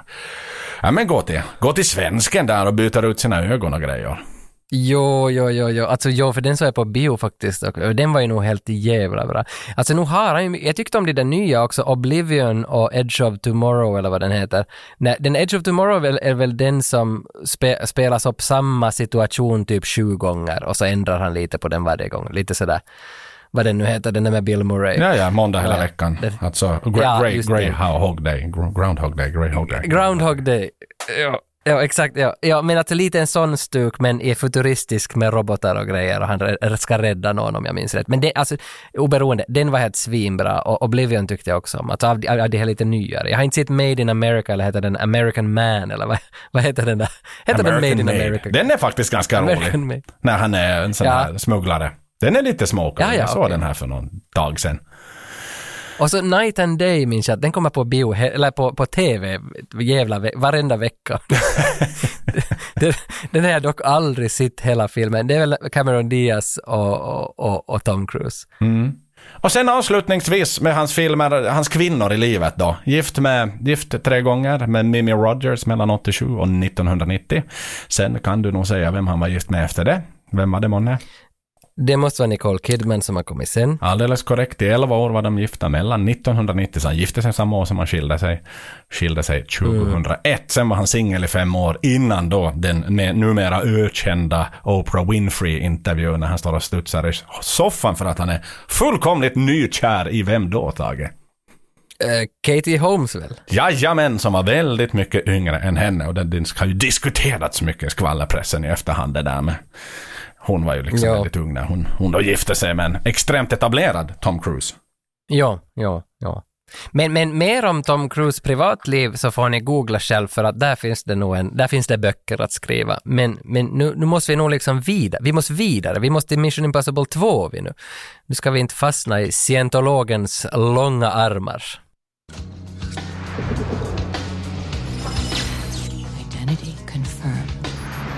Good morning, Mr. Hunt. Sorry I barged in on your vacation.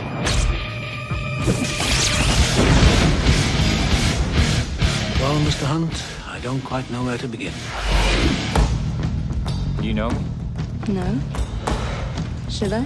She's got no training for this kind of thing. But to go to bed with a man like him, she's a woman. She's got all the training she needs.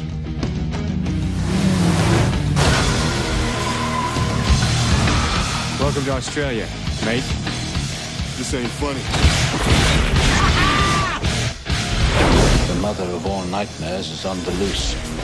I don't think I can do it. I mean, it'll be difficult. Very. Well, this is not mission difficult, Mr. Hunt. It's mission impossible.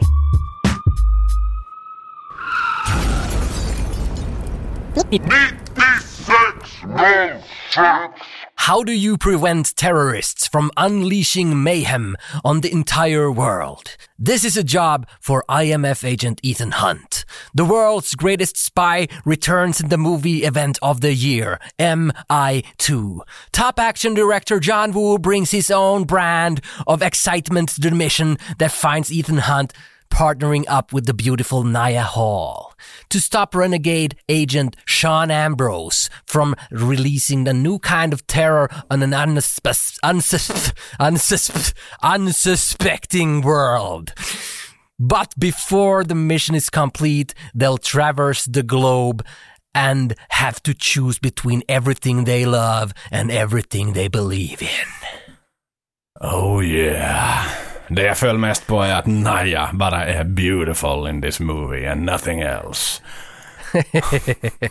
det är klart, inte har vi lämnat 90-talet och ännu inte. Nej, nej, nej. Hon är ett kuttersmycke och inget annat i den här filmen. Ja. Och det lär väl bli varse om under eh, historiens gång. Ja, vi är ju i Sydney. Vi, vi är tillbaka i Crocodile Dundee 3-världen. det, det trodde jag fan inte alltså. Jag hade helt glömt att det här var Sydney. Så jag blev riktigt sådär att alltså, hur kan vi se två avsnitt i rad och båda är australiensiska filmer i princip? Det där, vi, vi, är på, vi är i Sydney, vi är vid Biosite Pharmaceuticals och det här är ett stort labb och där finns en, en doktor, en rysk doktor som heter Nek Horowitz, tror jag. Och, och, och han läser upp en voiceover där han berättar för någon, någon Dimitri att every search for a hero requires a villain. Och så nämner han någonting om, om Bellerofon, Antidote och Chimera virus. Att vi får alla de här titlarna som filmen ska bygga på, viruset, Chimera och Bellerofon-vaccinet. Att allting nämns här direkt i början och det är det här vi ska följa. Ett virus och ett vaccin, så att säga. Sen, sen skjuter han in en, en monsterdos av Chimera-viruset i hans egen kropp genom ett plasthölje med en liten pistol. Och så får vi väl veta här nu då att han ska resa 20 timmar till Atlanta. Nej, Atalanta, vad heter det? Atlant- Atlanta, inte Atalanta ligger fotbollsklubb. Det är fotbollsklubb i Italien. Som faktiskt sålde Rasmus Höjlund till Manchester United här ganska nyligen. Men det hör inte hit.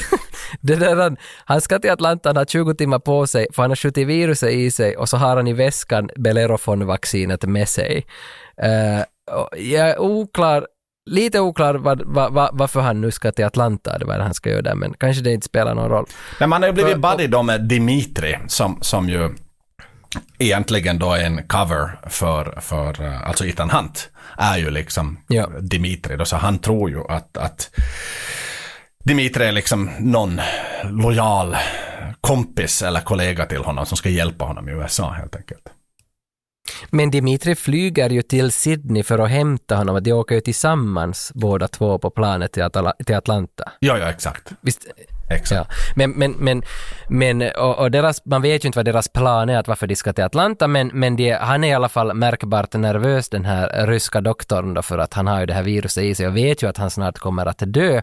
Men planet, planet kapas av ett gäng bad guys. Mm. Och då, då drar väl Dimitri av sig masken också. Visst är det här han drar av masken om man ser att det är Ethan Hunt som är Dimitri? Ja, men så sakteligen, så sakteligen. Alltså så här, de, de sitter då på ett flyg, äh, Tompa, eller slash Dimitri, Mm. bredvid då Boris the Blade som jag kallar honom här för att det är ju där Ja, han faktiskt är känd från Snatch. Och det kommer Boris, han kommer att heta Boris resten av filmen bara så, så att ni har koll på det i alla det är fall. Boris the Blade. Och då får vi ju lite ytterligare information att det är ju han och hans vän, alltså Boris the Blades vän som har kokat ihop det här viruset och, och kollegan då som har kokat ihop det med har dött av viruset. För att eh, Exakt, ja. eh, det gick inte så riktigt bra. Men det går att bära på i 20 timmar i lugn och ro innan viruset då bryter ut i kroppen. Så du kan ha det liksom inom dig i 20 timmar eh, och sen efter 20 timmar så då, då börjar, då måste du ha fått ditt, ditt vaccin.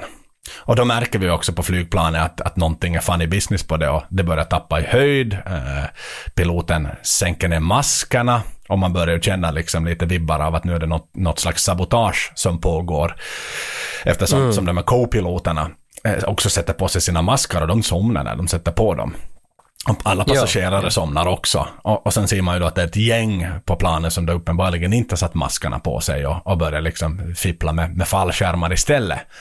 Och, och det är ju här då vi märker att, att Dimitri, eller Tompa, inte är den han är, utan det är någon annan med en sån här klassisk Mission Impossible-mask på sig då.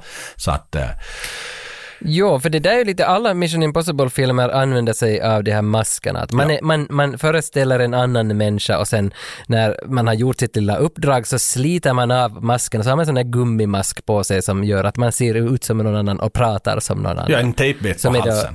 Ja, en tejpbit på halsen som ändrar rösten till det där. Och din, i de här nya filmerna har de ju datorer med sig alltid på sina, på sina uppdrag så att om, om de fotar någon på vägen så kan de snabbt printa ut hans latexmask ungefär under för tiden och slä, dra på den. Och sen drar man på den så den är jätteslattrig men sen klipper det till nästa bild så är den helt fast och så har det bytt skådis. Jo, jo, jo, men de har, alltså 3D-printer har de ju typ som de liksom skannar den med. Ja, Faktiskt. jo, jo, jo, så det är lite bättre än min liksom så här Eddie-mask och min Boris Jeltsin-mask som jag hade någon gång när jag var liten. Så man ju sådär. Det var ju inte som att folk trodde att det var Boris Jeltsin som gick i Vasa när jag gick med den på. Utan. Ja, för- precis. Men jag funderar på i det här nya, jag tror det var femman eller sexan, så, så tog de bara från något foto som de, you have a scan of him, vet du, så hade de bara ett foto på nätet av den här människan så kan de laga, laga en mask av det i de här nya filmerna. Att det är som så enkelt, du, att det känns som att det, det är lite för mycket otrovärdigt i det här nya, men, men det är jättecharmigt för det är ingen filmserie tycker jag som har haft det här greppet. Det här är alltid Mission Impossibles. Jo, jo. Men I beg to differ. Alltså idag kan du få, alltså titta på sådana kostymör, jag brukar titta ibland på YouTube, på sådana kostymörer som gör liksom folk. Och du kan få det så in i helvetes bra idag med sådana fake-masker och latexmasker och sånt här. Och sen om du dessutom Jo. säkert 3D-printar dem så kan du få, jag skulle säkert kunna utge mig för att vara dig här i Stockholm. Alltså skulle jag gå i Mall of Scandinavia med din mask och, och din liksom baseballjacka, folk skulle komma fram till mig. Och liksom, det är du Jo, som är det skulle- Tage. Det är du som är Tage. Och sen den tejpbiten på halsen ännu så. Skulle kunna börja banda podd med mig själv så att säga. Du behöver inte ens vara med utan jag kör Du liksom måste två bara ta bort. Du måste bara ta bort tejpbiten allt emellan då du ska svara på dina egna frågor. Exakt, det är en massa riven Exakt ja. på och av. Men i alla fall då för att summera den här liksom pre-storyn då så, så de gänget hoppar ut från planet och, och, och eh, de, planet kraschar kort och gott. Jo, jo, de tar med sig labbrottans väska därifrån och så bryter väl någon hans nacke också om jag minns rätt. Men, men alltså, var det inte, var det inte i den här scenen som man tror att det är Tom Cruise, han heter Dimitri, men så drar Tom Cruise av sig sen masken och så är det Sean Ambrose. Det är Sean Ambrose men vi vet inte vem Sean Ambrose är vid det här laget ännu. Nej, nej, men för, för det vill jag vilja minnas att det, det är någon som utsäger sig för att vara Ethan Hunt, men Ethan Hunt heter Dimitri, så det är tre personer som de svalgar med. Och sen drar Ethan Hunt av sig masken och det visar sig vara Sean Ambrose. Exakt att det är ganska som, det är jävla mycket att hålla koll på här i början. När man ser den andra gången så där man sådär, okej jag fattar. Men första gången man såg det här, man var ju nog jävla råddig liksom, att vem skäl av vem? Och varför kan inte den där jävla ryssen liksom ha det där viruset i den där pistolen då han åker? Varför måste han skjuta in det i sig själv när han ska ut och flyga? Varför kan inte han bara ha med den där pistolen likt han har det där vaccinet? Mm. Ja, det är mycket. Men det kommer fram i, faktiskt i storyn här, så det, nu ska vi inte liksom gå in och på, på, påstå att det här är ett tunt manus. det- För det. det kommer fram, det kommer fram.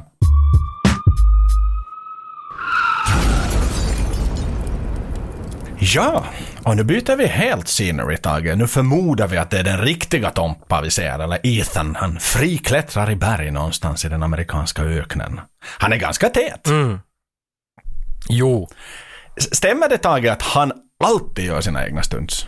Eller finns det undantag? Uh, nej, det här är- skröna som alltid sägs om honom, men han gör ju inte alltid sina egna stunts, men han försöker åtminstone vara en del i det och, och alltid liksom vara med på det och gör vissa bilder och sådär. Men till exempel här då han klättrade i berget så han har nog varit där i bergen, men han har varit låst uh, med olika linor som de har kopplat fast honom i bergsväggarna som sen har, har tagit, digitalt har de tagit bort de där linorna. Och sen så har han två stunt doubles i den här scenen, så det är tre olika personer som klättrar där, men de är på riktigt i bergsväggar och klättrar nog, men han är fast med linor, så det är nog ganska tuff jotto hela det här. Mm, ja men det är snyggt. Och den är mus- tillhörande musiken som är väldigt lekfull och glad som kommer med där också. Jo, alltså det är den där Iko Iko-låten tror jag den heter, den Bahamas musik. Ja, exakt. Och, och, och samma låt återfinns i Rain Man med Tom, Han- med Tom Hanks, med Tom, med Tom Cruise också. Så att, eh, det är lite spännande. Ja, ja, ja, ja det, jag, tycker om, jag tycker om jättebra låtval för den där scenen. Faktiskt, det passar bra. Liksom för en sån tung flygkrasch så öppnar vi upp lite lättare. Nåväl, han når toppen och då har hans chef lyckats lokalisera honom och han får ett uppdrag skickat till sig från en helikopter. Här vill jag lägga ett fokus på de här Oakley-glasögonen som han då sätter på, där missionen kommer in. Vi hade en kompis som köpte dem. Där ser du produktplacering deluxe. Minns du de där Oakley-glasögonen? Och minns du att vår kompis hade ett par sådana? Exakt likadana.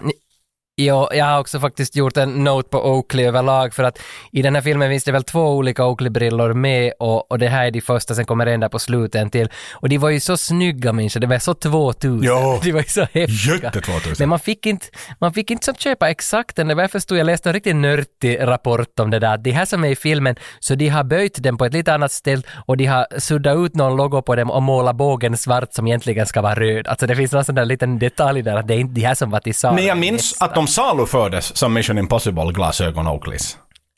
Jo, det var väldigt jo, jo, viktigt jo. med vår vän. Var, var, let's not drop names här, men han köpte dem i alla fall. Jo, men jo, jo, för hade inte han dem som eh, med styrka? Nej, nu minns jag fel. Nej, det var nog bara vanliga solbrillor, ja. Det var vanliga sol. Gråa, tror jag. Japp.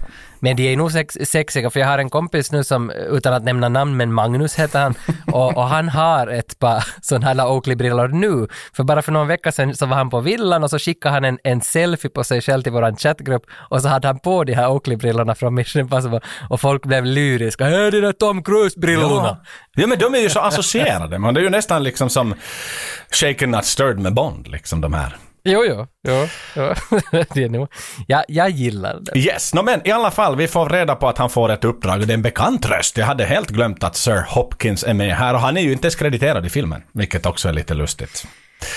Är han inte? Nej, det är han inte. Men uppdraget för, för Ethan då blir att lokalisera en kvinna och rekrytera henne. Och, och sen efter det ska han träffa sin chef i Sevilla.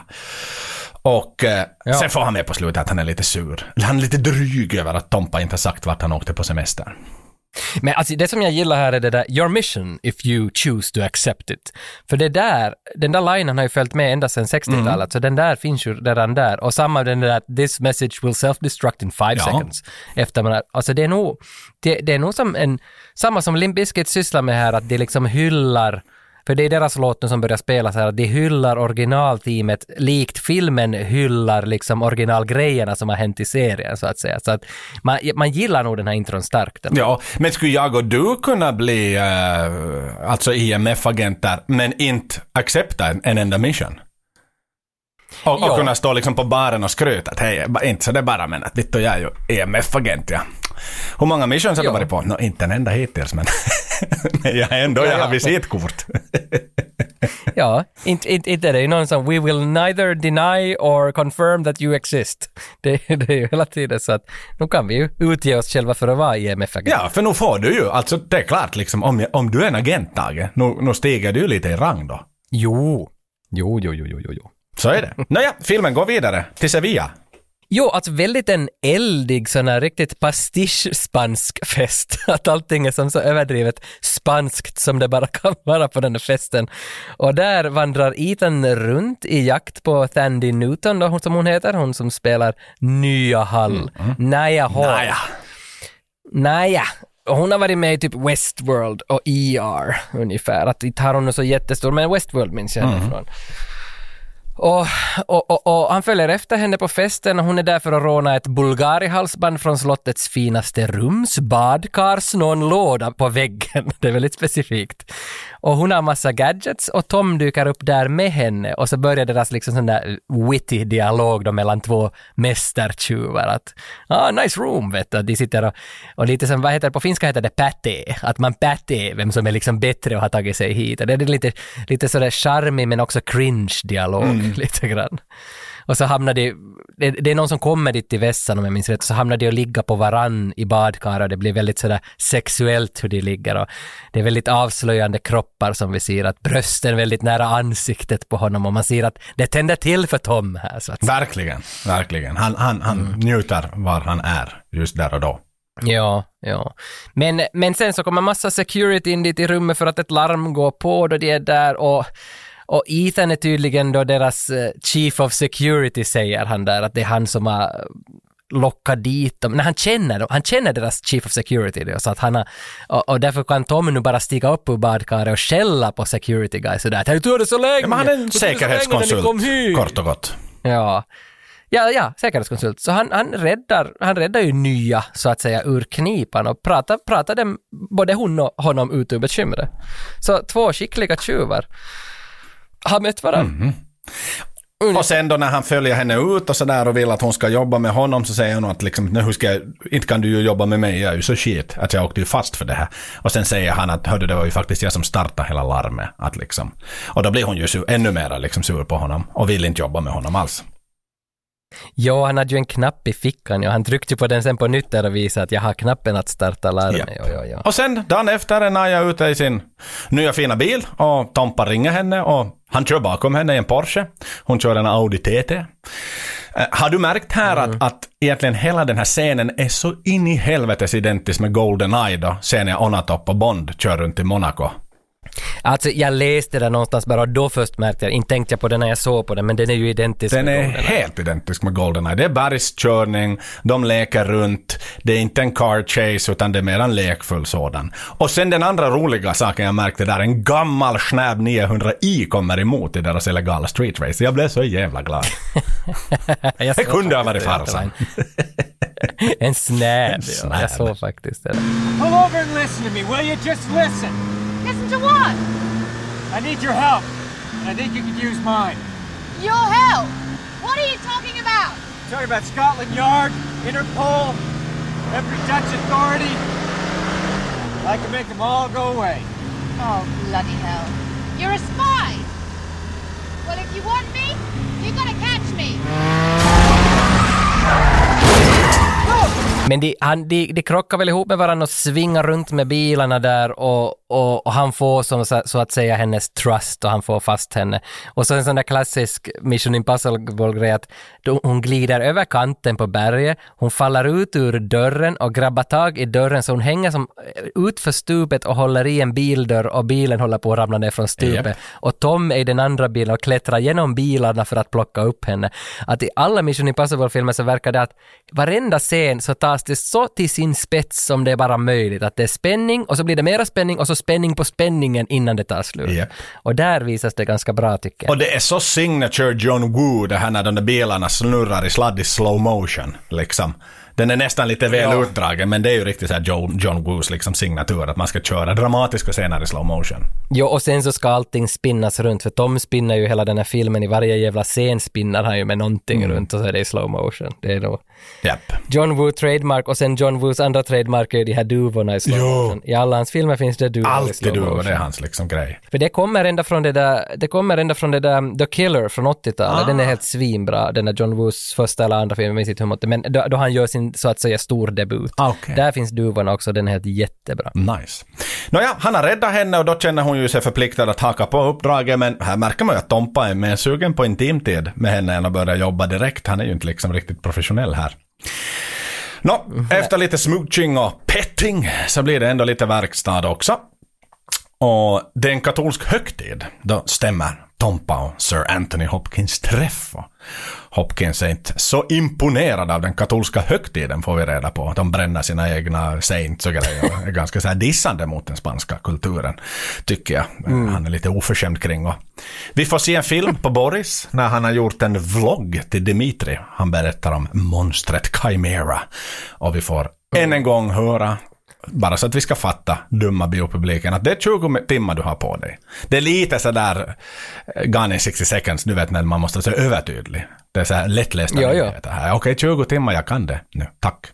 Och där, det är väl Anthony Hopkins här som säger att, att eh, Sean Ambrose var han som uh, kapade det där planet. Japp. Och att han hade, han hade utgett sig för att vara Ethan Hunt då och tagit på hans mask och att Sean Ambrose är en gammal IMF-agent som har liksom gone rogue. Exakt som tidigare också har varit stand-in för Ethan. Eftersom Ah, när Ethan har varit på andra uppdrag så han drar ju på en mask och bara så här ifall typ någon av Ethans kontaktpersoner har behövt honom och, och, och, Ethan inte har varit tillgänglig så har, har Sean varit den som har okej, fuck it, jag far och gör en Ethan nu då.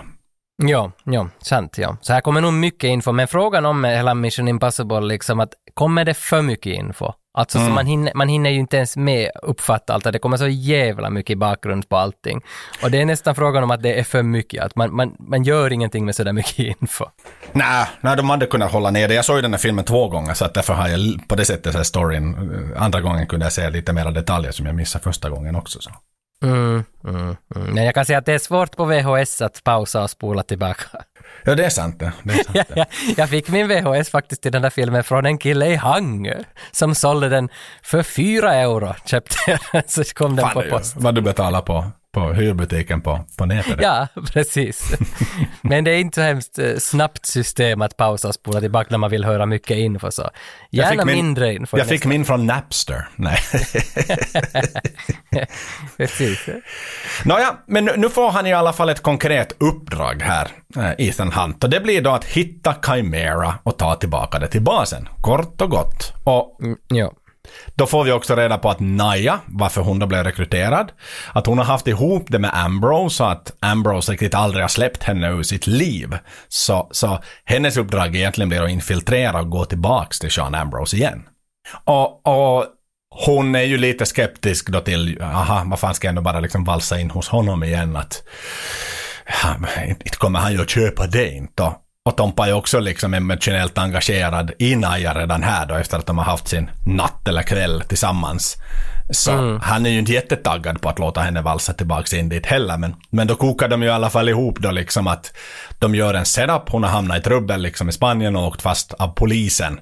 Och, och behöver liksom indirekt chans hjälp för att rymma. Ja, ja, ja. Den är också, ja, det känns också som att nu, nu kom det massa info igen. Yes. Exakt. Men- Ja men hon kunde ju bara valsa in och säga honey I'm home. nej, nej, de, de måste ju sätta något, men de, de gör det onödigt lite krångligt för sig ibland. Mm.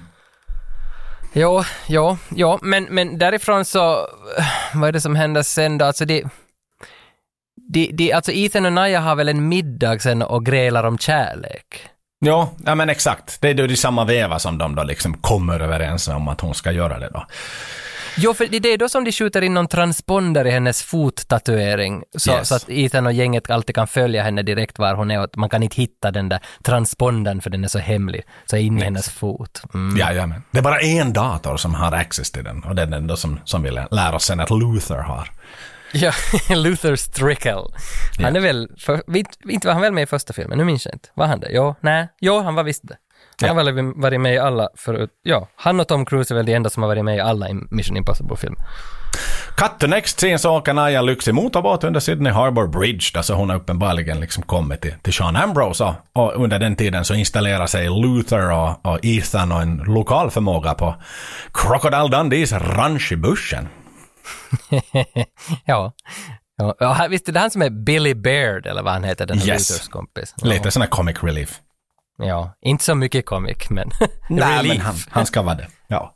Och Naja far då till den här lilla äh, lyxvillan utanför Sydney, på den här lilla strandremsan. Och mm, de går in, hon och Sean går in nu då, det är det här första mötet nu då mellan de två, att hon ska infiltrera där. Och Ethan och gänget följer med från laptopparna och satelliten. Och jag, jag, jag har bara noterat här att de, de två ska nu ligga med varandra direkt. Ja, ja, han är ju extremt pilsk, Sean. Man ser ju, han har ju en högra hand, Hugh Stamp, som, som liksom håller lite koll och ser lite misstänksam ut. Han, han är liksom, ja men han, han är inte född igår. Och, och, det är precis som du säger där inne, han har liksom köpt en ny klänning åt henne. Han har liksom bytt om, säger han bara ungefär framför. Hon har knappt hunnit in genom dörren och bytt om till den här. Ja, jag vill se om jag minns din storlek igen. Och han blir riktigt upphetsad när hon byter Ja. om. Liksom det, jag får sån här men want her, som Percy Nilegård säger åt Lembit Metsik när Lembits fru är utsatt för samma sak.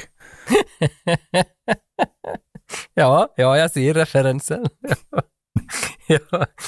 Uh, vet, du, sen är det någonting här i den här samma situationen som, som vi får bakgrunden också till, till Bellerofon och Chimera. Alltså liksom den här, vad heter, vad heter det, grekmytologin, varifrån de här namnen kommer. Visst är det där i helikoptern eller var de nu sitter, de här Luther och de här, så, så börjar de berätta den där backstoryn på, på namnen till produkterna, så att vi ännu ska få ännu mera info om allting. Om två karaktärer som hette Bellerofon och Chimera. Ja men det stämmer bra det. Det stämmer bra det. Så det är liksom har något med, med nå- mytologi att göra kort och gott. Och, och eh, de gissar ju då exakt som du säger att Chimera är ett virus, att det finns ett botemedel till viruset. Ja. Sen sitter de i möte, Hugh och Sean. Och eh, Hugh då eh, ska leverera ett minneskort till någon på travbanan för att få resterande av 37 miljoner pund. Som de ska få när de eh, har slutfört uppdraget då. Och eh, eh, Eh, den här eh, Hugh igen då, han är ganska skeptisk till varför Naja plötsligt har dykt upp och, och, och Sean, liksom som är helt förblindad av kärleken, så blir ilsken på Hughs misstänksamhet och håller på och snoppar av en cigarr i samma veva så liksom vänder han honom bak och fram så att säga. Hugh och, och, och hotar klippa av fingret med en cigarrsnoppare. Mm. Och där undrar man ju, alltså, två saker egentligen. Visst är Hugh Stamp, alltså den här högra handen, näst, näst största bad guyen, ja, alltså han liknar ju enormt liksom en finsk tennisspelare ungefär. Alltså han, han ser ju väldigt finsk ut. Han liknar den här Jarkko Nieminen nästan liksom. Faktiskt. Och, och, och sen, den, det var nu en liten note, men sen är det det att cigarrsnoppare. När du skulle gifta dig för några år sedan så Ja. hade vi ju kvällen innan en liten get together för, för dina närmsta män på, på eran villa om jag minns rätt. Eller var det på fruns villa i Pargas? Ja, ja, så blivande Så här hade vi då köpt en cigarrsnoppare som ett litet sån här present till dig och graverat den och alltihopa. Och nästa morgon när vi vaknade så there was no cigarrsnoppare anymore. Och den är borta sen dess. Och jag undrar, var är cigarrsnopparen, Joel? Den är tillbaks, den är tillbaks. Ah, du hittade den! Jajamän, den är tillbaks. Ny, årliga nyårscigarren snoppas alltid med den. Men vad fan, var hittade du den? Jag trodde att den var försvunnen. Nej men den låg väl i någon ficka. För jag minns att vi, var, vi hade riktigt investerat för den var ju fin och dyr liksom och sen försvann den under kvällen. Och sen var alla bara ja ja, den for. Men att du har den, fan Den har jag kvar, ingraverad och allt. Oj, fan vad roligt. Jag tror det står Percy Nilegård på den på tal om men want her. Ja, för jag minns att vi, vi graverade ju något roligt på den. Det står alltså Percy Nilegård. står det något datum eller något? Eh, nu- tittar jag bara på den en gång per år, så det var ju några månader sedan nyår nu. Men den ligger i tryggt, try- tryggt förvar i spritskåpet, det kan jag, kan jag lova dig. Oj, vad roligt. Det är ingen större fara. Nåväl, eh, på travbanan då så, så eh, vinner Naja pengar på rätt häst och, och, och Sean är imponerad över det. Och vi ser också där att Hugh har fingret i paket för det klipptes liksom innan det här själva snopparen gick ihop. Så att någonting hände ju nog. Det var mer än en nagel han plockade från honom. Och eh, en sån här, den här australiensiska kollegan då till, till Tompa, uh, utklädd till någon slags travbanspersonal, så ger henne en öronsnäcka så hon får direkt kontakt med, med, med Ethan slash Tompa då. Och, och Hon då delar med sig av allt vad hon har fått lära sig hittills, att det finns pengar och Seans kollegor, hur många de är och så vidare. Och, och uh, samma veva ser vi ju att Sean har ett möte med någon inne i restaurangen på travbanan. Som Mm. visar sig vara en kille vid namn John McCloy som är VD för ett stort medicinföretag. Det- Ja, det, det här är väl det här Biosite Pharmaceuticals, det här som är i början. Han är VD för det där bolaget. Han är VD för bolaget, korrekt. Mm. Ja. Och vi ser att de tittar på något som ligger på det där minneskortet på en kamera egentligen. Och eh, det ligger i hans... Minns du vilken ficka det ligger i det där kortet? Det In my right pocket. Ah, left. My, left. my left pocket. Inner left pocket. Inner left pocket, okej. Mm. Och ficktjuv som hon är så plockar hon ju det snabbt och smidigt bort från, från hans eh, inner left pocket när han kommer tillbaks. Och så träffar hon liksom eh, Ethan där ute i, i kön till att köpa nya lotteribiljetter, eller vad heter det? Så här gamblingsbiljetter. Helt enkelt. Ja, hon går via den där brokern, eller vad heter det? köper. Exakt. Du ska Köper satsa på en häst, helt pitkävetolappar. Ja, exakt. Och då koppar ju Tompa innehållet eh, som Luther då tankar ner på sin dator där han sitter i en Volkswagen Transporter med 2,5 liters motor. Som är väldigt Jaha. viktigt att det syns. Men det står så jävla tydligt där. Det är liksom filmat. Jo, jo. Så att det, Men det kost- BV Transporter, 2,5 liters motor. Men det kostar ändå 125 miljoner att göra den här filmen. Någon ska ju betala de jävla pengarna. Volkswagen är tydligen en av dem. ja, och den var liksom pålitlig modell back in the days. En Transporter med 2,5 liters motor. Ja. Var det diesel eller bensin? Det är väl nog diesel och det är väl de som ännu fortfarande är klassiska polismajor i Finland. De har väl Ja, jajamän. transporters. Absolut. Absolut. De transporterar många fyllon till häktet från Ja. Mm. Fontana under sina år. Ja, ja, han ser på den där videofilen, visst är det där Yes. som vi, Ethan kollar vad som finns på minneskortet och där är då en videofil av ett virus, det, det, det är väl avfilmat från ett mikroskop liksom, att man ser att Yes. ett virus ger sig in i blodet och hur det sprider sig och sen kommer det bilder på hur en kropp förmultnar när den har Chimera i sig. Och att, Och det är ju han Boris the, Boris the Blades kompis, eller kollega. ja, Han som ja. dog. Och då, då, då, vi har nog fattat det tidigare att det är ett dödsfarligt virus, men här är det liksom mega understruket att det här kan på riktigt smitta hela världen. Att det här, det här är corona före corona fanns, men mycket värre än corona. Och då blir ju eh, Ethan väldigt orolig nu och liksom nu ska du, när han får syn på innehållet, nu, nu ska hon, av, Naja ska avbryta uppdraget, hon ska lämna Sean och, och de blir ju nästan påkomna för Hugh är ju liksom de hack i hälarna. Men, men just sådär strax innan så, när, när Sean kommer, Sean, eller när Hugh kommer på Naja så, så är hon ensam då. Så hon, hon klarar sig undan den här gången. Och sen är de tillbaka i huset igen och Sean och Hugh har igen ett möte. Eh, och då ska de titta på någon film med den här vdn McCloy. Och av det då, det vet vi inte ännu, men han får någon idé, Sean, liksom att få någon ny plan i kikaren av att ha sitt på den där filmen med McCloy. Precis, ja, de har, ett, liksom, de har haft ett möte på Lyxvillan och, och, och där Lyxvillan såg jag annars någon liten note om att den där Lyxvillan finns inte mera utan den var bara byggd av polystyren för filmen och sen nedmonterad i villan efter det att filmat klart. Vem är polystyren?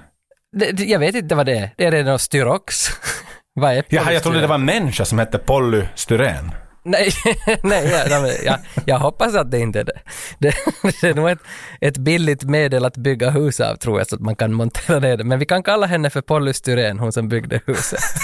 Exakt, en, en finlandssvensk kvinna från Ekenäs. ja. Men där inne i Pollys villa så, så skimar Sean och gänget då att de ska ta livet av Biosite-chefen. Är jag rätt där? Har jag förstått det rätt? Att de ska döda Ja, någonting är det ju, för han får ju den här planen. Liksom, han får ju någon sån här ny idé, liksom att ha, nå- någonting ska vi göra. Men jag vet inte exakt Ja. vad det är.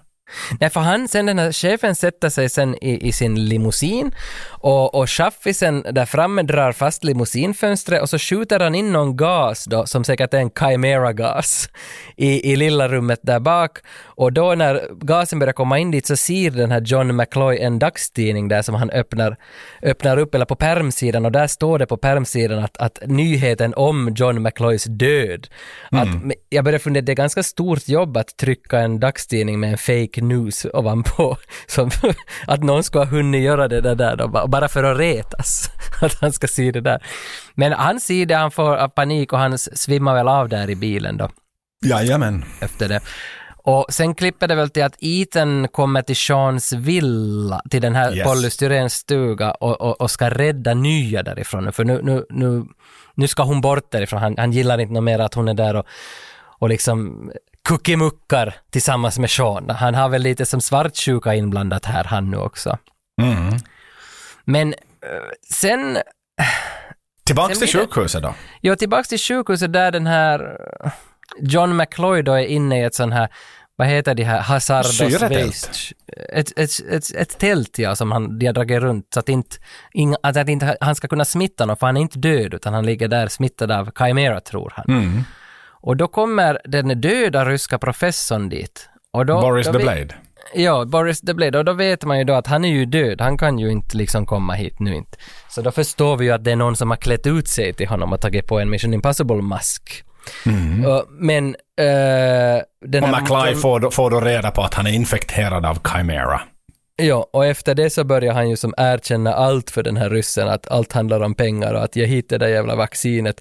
Så betalar jag så här och så här mycket pengar till dig och det är det som har varit planen hela tiden från början att vi, vi måste, vi skapar ett vir, vi skapar ett vaccin och sen skapar vi ett virus så att vi ska kunna sälja vaccinet, att det är det som är planen hela tiden och allt bandas ju, ljudet bandas här så att, så att den som utger sig för att vara den här ryssen ska samla beviset då att Biosite är bara ett skitbolag som bara vill tjäna pengar och sprida Det är money talks, bullshit walks. Och också får vi ju reda på att anledningen till att Boris kollega dog, han som då var med på de här filmerna på det här minneskortet, var ju att McCloy ville veta hur farlig sjukdomen egentligen var liksom i verkligheten hos en människa. Mm. Så att han offrar ju liksom eh, Boris kollega då för att se så här, okej, ja, men titta, det funkar faktiskt. Det var ganska dramatiskt. Ja. Och då får vi ju reda på, precis som du säger, Boris är död, så det är ju Tompa, det är Ethan i, i själva verket då som är utklädd här. Men vem är då Ethan som står med Naya? Ja, och det, det, där blir det riktigt snurrigt att det är som på två ställen är Ethan samtidigt. Men, men eh, på ett ställe är han ryssen och på ett ställe är han sig själv på en strand. Men det är ju inte han själv på stranden i Seans villa, utan det är Sean som har klätt ut sig till Ethan igen med den här Japp. Mission Impossible-masken. Så det blir riktigt snurrigt där. Det gäller att, det gäller att följa med helt enkelt. Och, och då är ju berättar ju så att säga Ethan, i det här fallet åt Naya, att du ska göra helt som Ambrose säger. Liksom, du, men vad fan, du sa ju just att jag skulle liksom packa väskan och dra åt helvete härifrån. Nej, nej, nej, nu är planen liksom. Gör helt som Sean Ambrose säger, ingenting annat. Och eh, ja, sen visar ju sig då liksom att Naya Tompa eller Ambrose då, som, som det visar sig, att nu är alldeles hjärtekrossad. För, för då får han ju i samma veva reda på att hennes, hennes hjärta pumpar för Ethan och inte för Sean. Han, han har blivit set up kort och gott. Mm, mm, mm. Ja, alltså de, de är bra de här scenerna, det är ganska många efter varandra som är väldigt snurriga här, att det är så mycket fakta i dem och de lurar varandra hit och dit.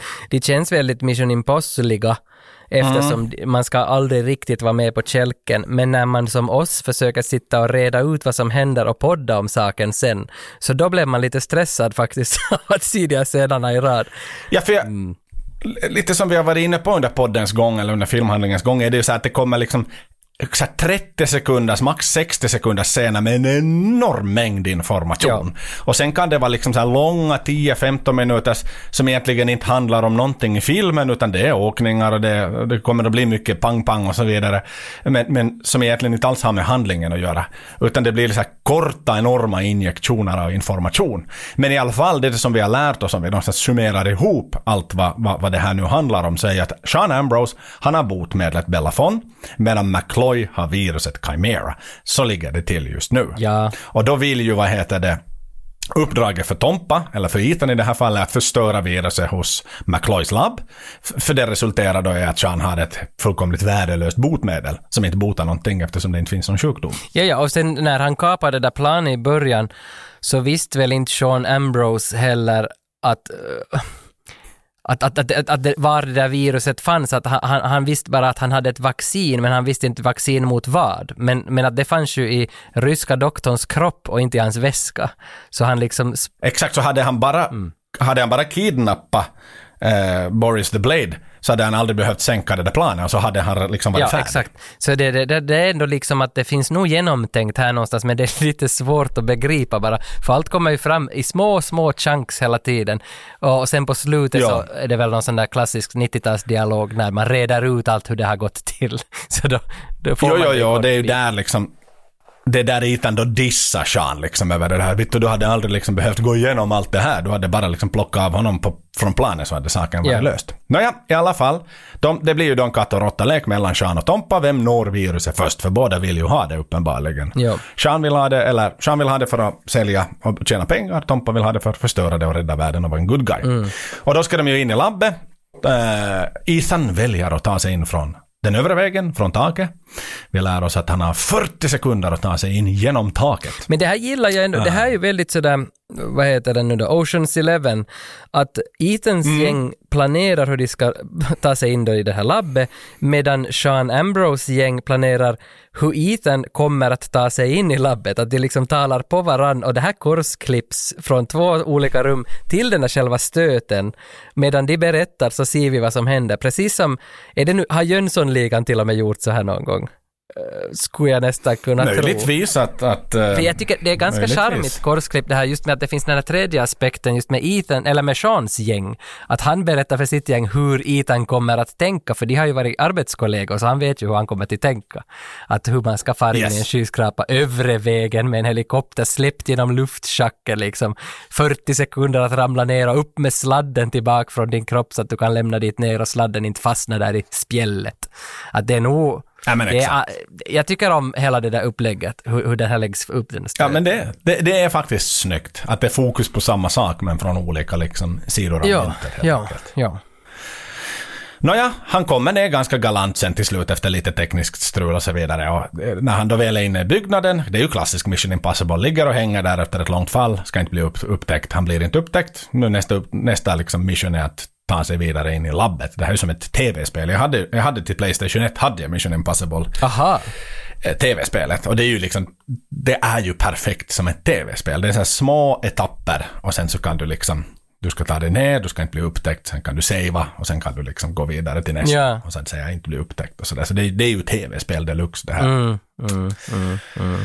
Sean i sin tur, han väljer att ta sig in den nedre vägen när det är vaktbyte. För det är då man lär sig att det är liksom svagheten i, i, i det här skalskyddet på byggnaden när det är vaktbyte då. Så de, de går in genom dörren de och så skjuter de Ja, vakten det- och så tar de sig in den. Det är väldigt sådär tyskt, hur tyskarna brukar göra i Die Hard 1. Jo, jo. Liksom, man kommer nu in med bilarna bara Ja, eller Die. Hard 3. När de kommer in till den där guld äh, jävla reserven där Mm. och han söver ner honom.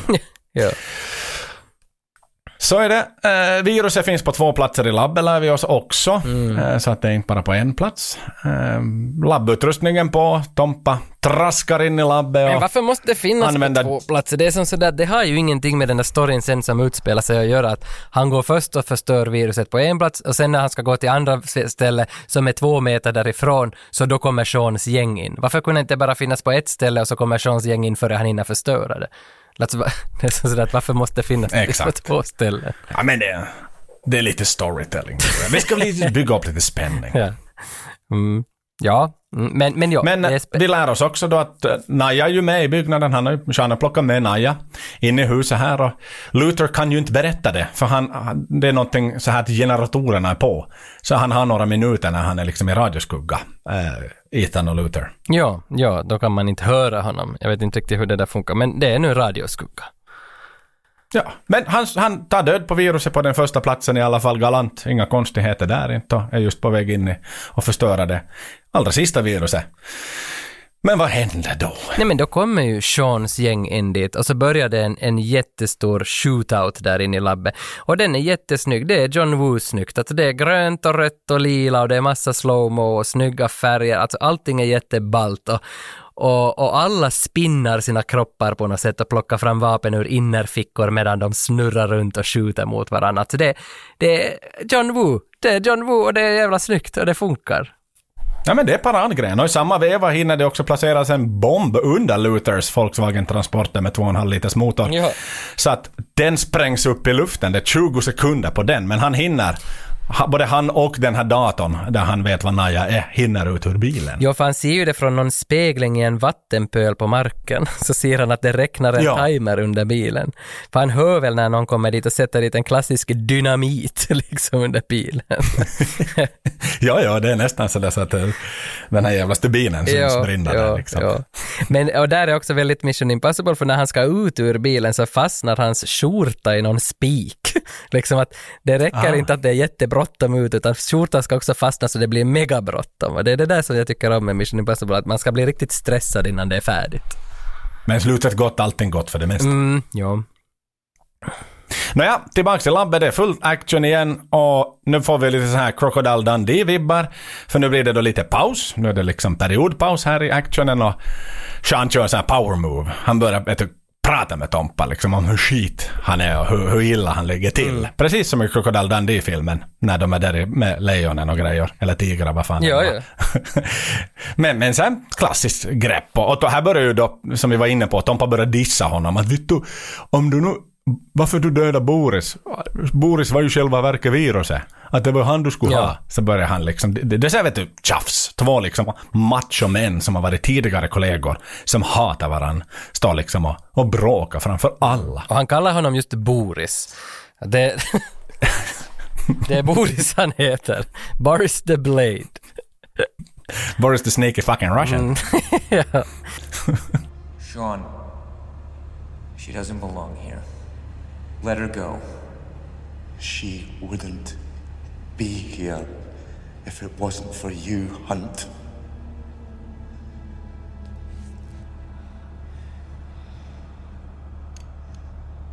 From this moment, you are responsible for what happens to her, and if you're looking out for her well being, I suggest you advise her to pick up the injection gun and bring it to me. How do you know he won't shoot you the minute he's got it? Please. One can't hold Naya responsible for her actions. You know women, mate. Like monkeys they are. Won't let go of one branch till they get a grip on the next. Get it, Naya. I'll cover you. Men det är väl då som Sean sen tar fram sitt trumfkort i duellen, att han har med Naya där då.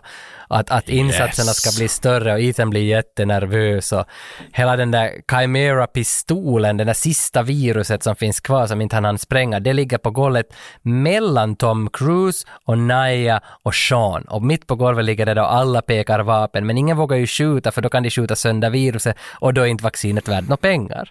Så att det, det, det är en, en här mexican standoff där också. En, en ganska som snyggt genomförd scen. Att det är nog mycket att hålla reda på där för en, för en regissör tror jag. Att hur fan ska det här gå till? Men det är... Ja. Jag, jag gillar det. Jag gillar det. Men det som händer, Det är det, som händer är att Sean skickar Naya dit till viruset för att plocka upp det från golvet för ing, och då vågar ingen skjuta på henne. För då kan det ju också fara ut i huset det där viruset. Men Nayas lösning där är ganska fiffig att hon skjuter viruset in i sin egen kropp. Hon tar den där pistolen, pammar av det i armen.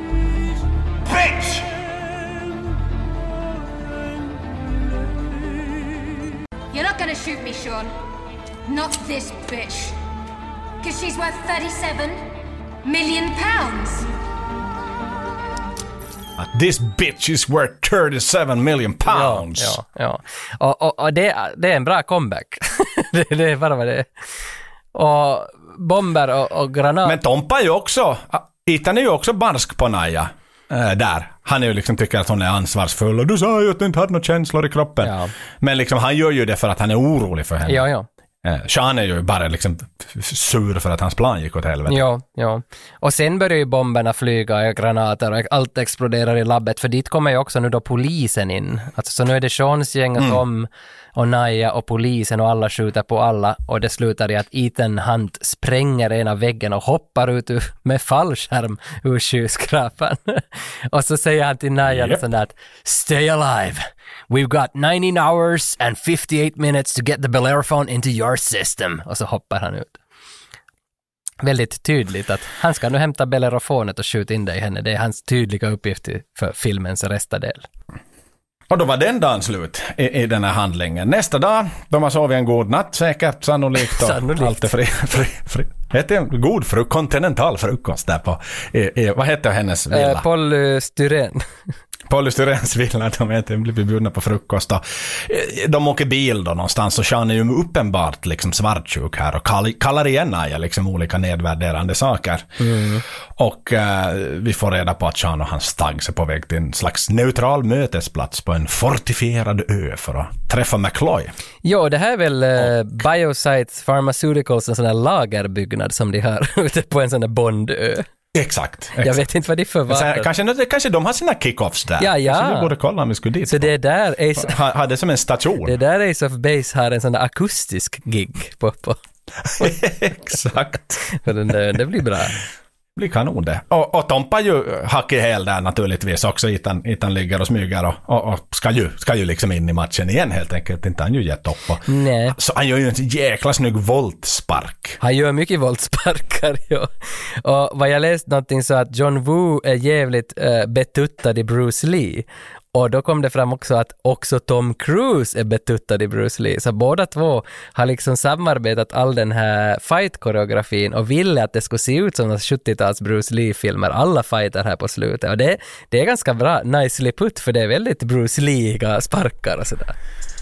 Ja, och vi, och, för att ge för mycket iväg här, men vi har ju, det är inte så svårt att räkna ut att vi har en slutfight, men där just on that note, så det är ju så mycket, det är inte bara liksom koreografin utan ljuden också. Liksom sättet som speciellt Sean låter när han sparkar och blir sparkad, det är ju riktigt sådär Ah, okej, för de har jag lite missat, för på min VHS var de inte så starka och så hade jag inte så högt ljud.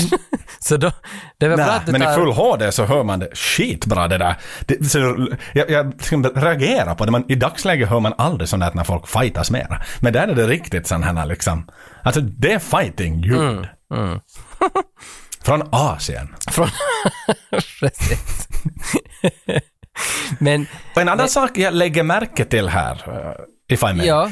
att hur bra Tom Cruise är på att smyga. Ja, Han, liksom, han är ofantligt bra på att röra sig. Jag tror att han är verkligen bra på det i verkligheten också. När han smugit upp på sina exfruar ibland. Liksom, Ja. Haft lite koll på dem. Han är, jäk, han är, han är en agent av rang där. för- Har du lagt märke Nej, till för det? att det som folk lägger till märke till med Tom Cruise är hur han springer. Han springer ju alla sina filmer och, och det är alltid det där Tom Cruise-springandet. Men att, att någon skulle lägga märke till hur han smyger har jag aldrig hört. Men jag gillar ju det. Ja, minns du smygaren på högstadiet? Uh, jo, eh, och, och vad han hette minns jag. Ja, det minns jag också, men ska vi inte out- outa honom? Men, men nej, var- nej, det var ryktades ju att han höll på med droger och grejer. Ja, det är synd. Synd att det går så där ibland. Men där på den här basen nu då, så Sean, eller Ethan har väl tagit sig dit till den basen för att rädda Naya. Och på basen finns väl alltså just nu också Chimera, för John McCloy är väl där. Hette han John McCloy? Och, och där är Mm, Sean, McCloy. McCloy ja, och där är Sean med Belerofonet. Så nu finns ju allting samlat på den där ön. Tror Ethan, Mm. för han vet ju inte Ethan att Naya är ju inte där på den där ön. Visst Nej. är det så att Nej, planen är att släppa loss Naya ut i... Märkte du? Sydney. För han validerar ju, för han är väl typ tagit, jag antar att han är dragit blod av, av Naya, Sean, alltså innan han kommer Ja. dit, för att då få viruset den vägen. Den här labbgubben som sitter liksom och validerar båda sakerna. Ja. Eh, han är jätteglad när han märker att liksom, "Hej, det är rätt virus. Han är överdrivet glad, Ja. liksom som att han skulle ha nästan kommit på någon sån här eh, jävla Nobelpris liksom upptäckt liksom. Jo, jo. men är det inte han, alltså, jag tyckte han liknade någon sån här labbråtta från Jurassic Park, typ. Alltså om det skulle kunna vara samma gubbe, för vad jag minns så finns det någon labb, labbkille där också. Eller fan, det kan vara Bad Boys 1 Där, Säkert Bad Boys 1, för jag såg Jurassic Park ganska nyligen. Ja, det kanske det är Bad Boys det är ingen, 1. eh, med oriental härkomst som jobbar i labbet där. jo, när det It's Ether! Puff, så slår, slår de i facet. For show, eller vad heter den där jävla bad guy i Bad Boys 1. Naja, men shit samma. jag tror att Men var är Naja då, Tage? Eh, nej, är väl, alltså planen är väl nu då att Sean släpper ut henne i centrala Sydney för att hon ska vara där och börja sprida det här viruset. Och på så sätt så ska många nu få viruset av henne och sen ska han kunna sälja vaccin så in i helvete och tjäna pengar som bara den. Och då har, han- det är ju då han avslöjar sin nya plan till McCloy. För det är inte bara 37 millar som han skulle få då för, så att säga, för job well done. Nej. Utan han vill ju ha aktier i bolaget. Jo, han ska väl äga 51 procent av hela bolaget. Och, och det gör ju Yes. McCloy rasande. Att varför skulle jag vilja ge mitt jävla bolag åt dig? Det, det är mitt bolag. Men han förstår Mm. ju ganska snabbt att han måste ju, han är ju i underläge. Han måste bara ge de här pengarna och skriva på pappren. Annars dör han ju. Exakt, och Sean säger ju också det att han kan liksom, han har andra läkemedelsföretag och terrorister rent ut sagt Mm. på liksom sin telefonlista som han kan ringa åt till nästa. Tro inte att du är den enda liksom som är intresserad av det här. Mm, mm, mm. Ja, ja, för Sean är nog i överläge över alla just nu. Och nu kommer vi då Tage till duvorna som vi pratade om. Ja. Mycket, mycket duvor. Massor av duvor. De är fucking överallt och de är alltid i slow motion. Mer duvor än på Vasa torg. Jo, för Ethan måste ju ta sig in dit i basen för att komma till det här förhandlingsrummet var John och, och gänget sitter och förhandlar. Och för att komma dit måste man ta sig förbi massa bad guys och alla bad guys står ibland några duvor. Så, så i, som har smugit sig ner dit i gångarna. Så, Med tanke på att det är någon slags laboratorium så den där saniteten upplever jag att det inte är riktigt där liksom. För vi vet ju alla vilka smittospridare duvor faktiskt är. jo, jo, det är fågelinfluensor i Österbotten och allt möjligt. Exakt, de är bara där och traskar runt bland kajmor. Ja. Jag menar, det är ju ett mycket effektivare sätt att bara sprida ut det på duvorna, så har du det liksom över hela jävla stället. Jo. Och när Ethan sen har hackat ihjäl en par bad guys så knackar han på förhandlingsrumsdörren med en granat. Han kastar, kastar den i dörren, väntar att någon öppnar, skjuter granaten eller en gasbomb eller vad han nu har. Och dörren flyger upp och Sean blir förbannad. “Run that bastard down!” skriker han till sina... Men märker du innan, han ser liksom genuint överraskad ut, för det är ju igen en sån slow motion sekvens där, när de bara står och tittar på varann, Sean och, och, och Ethan. Och, och han ser liksom, vad fan gör du här? Får man liksom i blicken. Att det är som sådär, hade han förväntat sig att, att liksom Ethan bara skulle flyga hem till USA med sin fallskärm? Ja, nej, jag, vet, jag förstår inte heller hur Ethan hittade den där ön. Hur kunde Ethan veta att de är på den där ön då? Så nu förstår jag Seans frustration. Att hur fan kan han veta, veta att de är på den där ön i det där förhandlingsrummet? Det måste ha varit någon info som jag, Ja. jag gick miste om. Men ändå måste ju Sean ha räknat ut att när, när Ethan hoppar ut från, från, från liksom laboratoriet med en fallskärm, uh, inte far han ju hem. Inte du sagt okej, han var färdig med sitt uppdrag, vi skickar in en replacement här om några veckor. En vikarie. Nej, nej, precis. Men oberoende så är det massa fighting som håller på att ske där. För att nu ska ju Tom Cruise äntligen få slåss mot den här Jarkko Nieminen, Hugh Stamp eller vad han heter. och, och slåss mot den, för den fighten gillar jag ju nog att eh, de slåss med varandra och man ser inte riktigt hur det går. Det slutar väl i någon slags, det är rök runt dem och man vet inte riktigt vem som har övergrepp av den Mm. andra. Men sen Det är ju hederlig fistfight. en fistfight, ja. Men sen meddelar Sean där inne i rummet per walkie-talkie att... eh, Hugh ja, Hugh, ja, meddelar. Hugh meddelar per walkie-talkie in till rummet till Sean att nu har han fångat Ethan där utanför. Bring him to me! Och så kommer den här finska tennisspelaren och Ethan in i rummet och det här tycker jag är Mission Impossible 2s bästa scen, måste jag nästan säga. För att där, där är då att Sean står och pinar Ethan Hunt hela tiden, skjuter honom i benet och är riktigt arg på honom för allt vad han har ställt till med. Och to, Tom Cruise här då, Ethan, så han kan inte prata, han bara mumlar och mumlar. För att den här Hugh Stamp säger att jag har brutit hans käke. Och det, I broke the guy's jaw! och det slutar i allt det där då till slut att Sean mejar ner Ethan Hunt. Ethan Hunt dör på golvet. Pang, pang, pang, pang, skjuter ner honom. Men sen Cold-blooded murder. Mm, men sen kommer det där som gör den här scenen så vacker, att de klipper till en närbild av Ethans lillfinger som har bandage på sig. Och då förstår Sean att inte, inte är det fucking Ethan som ligger på golvet, utan det är en Mission Impossible-mask av Ethan. Han har just skjutit sin finska tennisspelarkollega Hugh Stamp. Och det är han som ligger på golvet. Han har dödat sin vän. No! ropar han. Och på den tiden när han står och ropar så tar väl Ethan egentligen bara och springer ut med, med Hugh Stamps mask på sig, för han hade ju en sån i väskan också. Fattar inte varför han fick den där Hugh Stamp-masken. No, de har väl fixat den där i helikoptern. Ja, ja, ja, det är lite snabbt bara tryck på en knapp där så hade den... ja. Men Ethan tar med. Stamp-masken och vaccinet och viruset, alltihop och springer. Så nu har Ethan precis allt vad han behöver för att rädda världen och rädda Naya. Och då är det dags att klä på sig sina Oakley-glasögon igen. det blir pang-pang. Tompa får till slut tag i en motorcykel. Mm. Eh, han ska iväg från den ön, det är en bro som är mellan honom och fastlandet och eh, Luther då i helikoptern får i uppdrag att eh, plocka bort en bil som är på väg så att säga och hindra Tom, för det är bara som en sån här enfilsbro. Mm. Eh, så att, och, och då skjuter den här bilen skjuter på, på Luther i helikoptern och Luther blir riktigt frustrerad över det och plockar fram en sån här, vad kallas de här, typ någon granatgevär? Det kallas väl granatkastare Och, eh, tror jag. granatkastare och blåser sönder den där bilen kort och gott. Ja. Och ut slipper han. Och det är nog snygga scener och dyra säkert, att det ser nog väldigt välplanerade ut. Alltså det är nog häftiga actionscener. Allt som gäller den där ön och bomber där, där de liksom jagas av helikoptern och skjuter runt bilar. Och, det är nog snyggt alltså. Och Sean har också fixat fram en hoj, så nu börjar det på riktigt. Ja, så blir det motorcykel-action.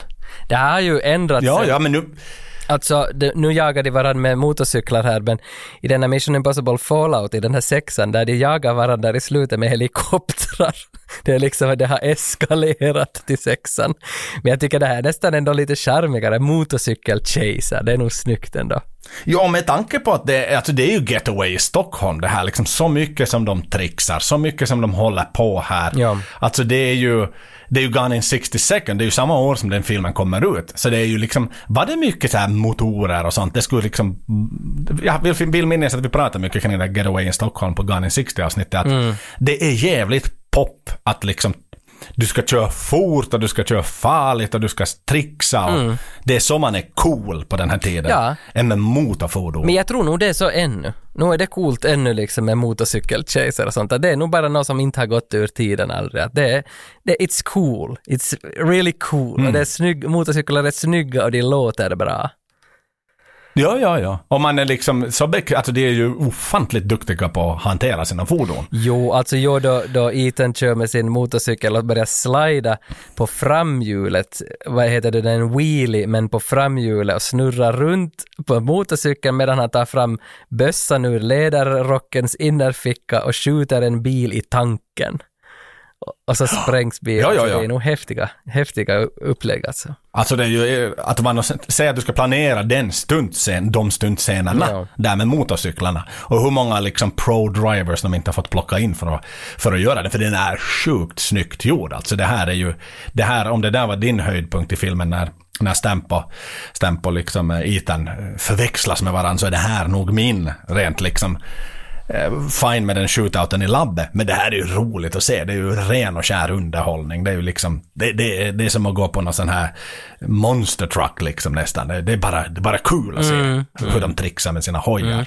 Men tillbaks lite till storyn, då lyckas ju lokalisera Naja som är på väg ut med någon slags klippor någonstans och, och, och han får ju order då av Ethan att åka och hämta henne. Och ta henne till Ethan. Jo, de ser Eh, väl från de den där... på Ethan genom en Det GPS. ser väl just från den här transpondern ju att hon står på någon strandkant och kommer antagligen att dränka sig. Att för att hon vill inte att, Ja, hon att ska ta världen livet av bli sig sjuk hon- i Chimera så att säga. Nej, så hon är ju jävligt nobel där i alla fall. Nåja, många bilar går sönder, många dör, många skott avlossas. Han åker på fötterna Oj, det är också bredvid motorcykeln. Oj, oj, det är så mycket som är snyggt. Alltså, motostunts. Det är väl det som är ordet här. Och fr- frågan om att i de här senare Mission Impossible-filmerna så börjar ju filmen alltid med en sån här 20 minuters stuntscen där det är massa häftigt. Och frågan är just att har det månne kommit för sent i den här filmen, de här häftiga scenerna? För det här är ju vid en timme och 45 minuter. Det här är just före det ska ta slut. Mm. Att sparar man för länge, för de har ju pratat fakta, fakta, fakta, precis som vi har gjort i det här avsnittet. Vi har pratat i 1.45 och först nu så smäller det loss de här sista actionscenerna. Frågan om att är det för länge att vänta? Det finns en risk, faktiskt. Att därför, Att, att de har sparat på krutet lite för länge. ja, att är det därför? En, en liten sista rolig detalj just i den här jakten är ju när han han riktar pistolen bakåt, han kör framåt och använder spegeln, motorcykelspegeln för att sikta. Jag tycker det är så Åh, jäkla ja. rutinerat. Ja. Mm. det är nog... Och, sen, till slut alltså, börjar de till och med slåss med sina motorcyklar ju. jo, jo, men innan den Det kraschen... blir som Transformers. innan den kraschen kommer så han gör ju också ett rökmoln, Ethan, med sin, med sin motorcykel och så gömmer han sig liksom in disguise i rökmolnet och, och gör så att driftar. krockar med en lastbil liksom. Det, Ja, han driftar jag ju. driftar ja så att det ska bli ett, rökmoln runt honom och sen krockar en lastbil med Goonsen för att han gjorde det. Att det är nog Yes. mycket snygga. Men ja, sen ska de slåss Och motorcykel. då är det ju bara Sean och Ethan kvar. Ja, de ska slåss motorcykel mot motorcykel. En på röd bike och en på svart bike. Och då gör de väl den Yes. där klassiska, eller inte vet jag den klassiska, men det är kanske i trailern man ser den där frontalkrocken mellan två motorcyklar. Och den, Ja, chicken ja, race. chicken race mellan två motorcyklar och sen hoppar de, just innan det ska smälla upp, hoppar de och fångar varann i luften och motorcyklarna exploderar under dem i princip. Oj, oj. Ja, de hoppar rakt i famnen på varandra. Som, en, som två Ja. bröder. Och sen blir det mycket Bruce Lee, för sen är det en fistfight mellan Sean Ambrose och Ethan Hunt. En klassisk fistfight på stranden och korsklippt de är nya som ska ta livet av sig längre ner på stranden. Kommer då sen, och då Exakt. frågan just att kommer Ethan att hinna döda Sean och springa med vaccinet till Naya innan hon tar livet av sig. Liksom att det, det är många klockor som tickar här och det här gillar man nog hela de här sista tio minuterna. Det är nog bra gjort alltså. Och det som är det fina med just den här specifika slutfight-scenen är ju att det är inte bara en fiende och en hjälte, utan det är passion. Det är en kamp om kärlek. Det är två älskare som slåss om en och samma kvinna. Det, det är mer än bara jag ska ha pengar och jag ska stoppa dig från att få pengar. Det är tillbaks till men want her som sagt. Och det fina här är ju också det här med att eh, det är strand, men det är då inslag av klippor. Jag tycker det är viktigt att få fram här, för det, de slåss i sand, men det är stenar runt omkring, för det kommer att få en mycket viktig innebörd lite längre fram Ja, i slagsmålet. och slagsmålet så klipper det ju också till vågor som sprängs mot bergsväggar hela tiden, så att man ser att det är verkligen naturens urkrafter som står här. Sean och Ethan är lika starka som vågorna på Oceaniens vatten, liksom. Att det är nog... Det är, det är stora episka bilder. Det är ju det. Nu kommer kniven plötsligt fram. Och, och Sean börjar babbla, liksom, han blir big mouth där och fortsätter att häckla Naja och kalla henne saker som jag inte längre vill ta i min mun, Tage. Okej. Go ahead. Use a hunt. It's not a bad way to go. It's a lot better than the way that bitch is gonna die. Och en pistol dyker upp hux flux, men de fortsätter slåss. De, de använder fistsarna enbart då. Och det blir ju lite så här rocky moments. Du vet, först är det den ena som har liksom upper hand, sen är det den andra som har upper hand, sen är det den ena som har upper hand och så, och så vidare och så vidare och så vidare. Och så kommer ju den här avslutande stöten då. En riktig jävla roundhouse. Ja, ja, och det är inte bara en roundhouse han gör den här, utan han gör ju nog många innan den, men den där sista är på något vis the, the big roundhouse som ska avsluta livet på Sean. Han slandar, han slår skallen i en sten. Och det är tack och godnatt för vår vän Sean. Mm, mm. Ja, och i det skedet kommer väl Luther och Billy med helikoptern fram till Naya och, och liksom Varför kom de fram till henne? Ja, de plockar in henne i helikoptern för hon är ändå en bit ifrån Sean och Ethans fight, visst var det så? Så de tar in henne i helikoptern. Yes, men ändå hyfsat Ja, så flyger de henne dit till Ethan så att han ska hinna ge henne det här vaccinet. De landar med helikoptern, han Japp. springer till helikoptern, eller han, han, ska, han ska börja, hans idé är att springa dit. Give her the vaccine! Men då, i det skedet, så vaknar Sean på stranden och tittar på Ethan att “You should have killed me!” För han är inte död. Han har bara slagit i huvudet. Nej. Och då blir det en sån där vacker stand-off-scen där igen när det är Ethan som märker att det ligger ju en bössa i sanden framför honom. En pistol, en pickadoll. Och, och, Ja. och så tittar Luther, ligger väl där på stranden och tittar på honom att vad ska vi göra? Han kommer ju att skjuta Ethan i bakhuvudet här nu. Och nu minns jag inte vem som gör vad före han... Pickadollen ligger i sanden. Han sparkar upp den och medan pickadollen är i luften avfyrar Sean ett skott som missar. Men i sin move när han har fått tag i den i handen vänder han sig 180 grader, avlossar som en mexikans, eller vad heter det, Eh, inte mexican standoff utan som när man gör en duell. Jo, Och träffar honom rakt i pannan eller kroppen eller vad det nu är i alla fall. Men då är i alla fall Sean done. Han är the dog is down once and for all helt så enkelt. var det ju. Ja, för han sparkar ju upp den där och vänder sig om och skjuter. Men jag, jag hade nog minne av att Luther gör någonting också i den där moven. Nej, han, han står och tittar på den där pistolen. Jag tror att det är till och med han som uppmärksammar Ethan Ja, så var det, pistol. Jo, jo, hans roll är bara att visa att Ethan, hej, det ligger en pistol framför dig i sanden, ja. Jo, jo, och det, då gör han Ja. sin sista spinn och svänger och skjuter Sean, ja. Så är det. Precis. Och snabbt som attan får Naja då botemedlet och hon verkar genuint glad när hon har fått sin spruta. Ja, ja. Var du så glad Tage när du fick ditt covid-vaccin? Ja. fin referens där, men jag kan nog svara att ja. Jag, jag minns att jag var nog, när man fick den där första, det kändes nog som att nu kan man börja göra någonting igen och inte behöva vara så rädd för allting. Inte för att jag nog aldrig var så Ja, där jävla rädd för allting, men det kändes ändå som att nu kan vi kollektivt i Finland börja arbeta igen. någonting sånt kände jag väl nog när jag fick den där första sprutan. Det samma här, det var högtidligt. Jag minns en stor, stor mässlokal, Kistamässan här i, utanför Stockholm. Mm. Och eh, det var högtidligt att sitta där i kön och få sin nummerlapp och få sprutan i. Och det var som en så glad stämning också där, liksom sjuksköterskorna som pickade en och alla var glada Jo. bara för att det var som att äntligen började det vara slut. Och jag fick min spruta den första i Esbo ishall. Och i, i samma Oh. ishall där var sport, senast jag var där så var det sport som mötte eh, Esbo-laget som hette Blues då. Så minns jag att sport Mm. hade vunnit där någon match mot dem och man hade druckit två öl vet du. Och man, allmänt goda minnen av den där ishallen. Och där satt man och fick ett till gott minne ur samma ishall. Nåja, sen är det lite wrap-up då, tillbaks med IMFC-chefen. Han är lite besviken på att, på att eh, Ethan inte har fått med sig en kopia av viruset, för det var ju faktiskt det som var uppdraget han skulle göra Ja. till chefen. Men så där läser vi mellan raderna så förstår ju Ethan att får IMF tag i det här viruset så, ja, vet du, vapen kan tillverkas av olika saker. Så Ja, Ethan ja. tog ju ett liksom beslut där att det här är för farligt för att världen ska kunna leka med det. Mm. Så det är nog bäst att, att det bara är förstört i alla fall. Men Ja, men han är lite Som otacksam. belöning Tänk om, Ethan, om Anthony Hopkins skulle ha sett filmen så skulle han nog ha förstått också att det är lite otacksamt att vara så där otacksam när han, när han har Ja. överlevt, men han fick inte med sig viruset. Det var ganska mycket som hände kring, så att säga. Ja, det var inte, han traskade ju inte bara in liksom och tog någon i slipsen liksom och sa att hosta fram det där jävla viruset nu så går jag härifrån. Nej, men kan inte någon, alltså vem är det som, var det bara ryssen som dog som kunde laga det där viruset? Ingen annan kan laga det då? Nej, exakt. För nu är Boris död och Boris kollega då som dog av viruset, det var de enda som satt på hemligheten. De dokumenterar väl knappast så mycket. Nej, nej, nej, nej. Eftersom det var top secret. Det, all, allt var ju ett sabotage från början till slut. Ja. Och sen så, Egentligen. sen så är det väl då alltså Naya och Ethan, eller Naya överlever ju förstås då hon får det där vaccinet och de far på semester tillsammans till Sydney.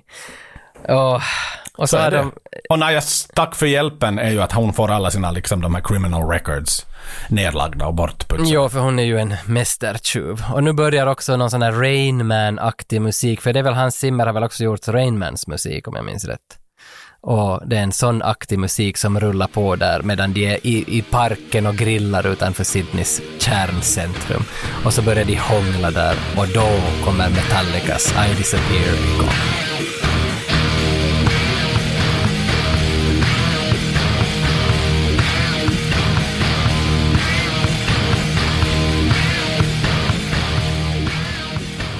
Ja, det är den som avslutar sluttexten och sen kommer lite av Limp Bizkits låt i slutet av sluttexten.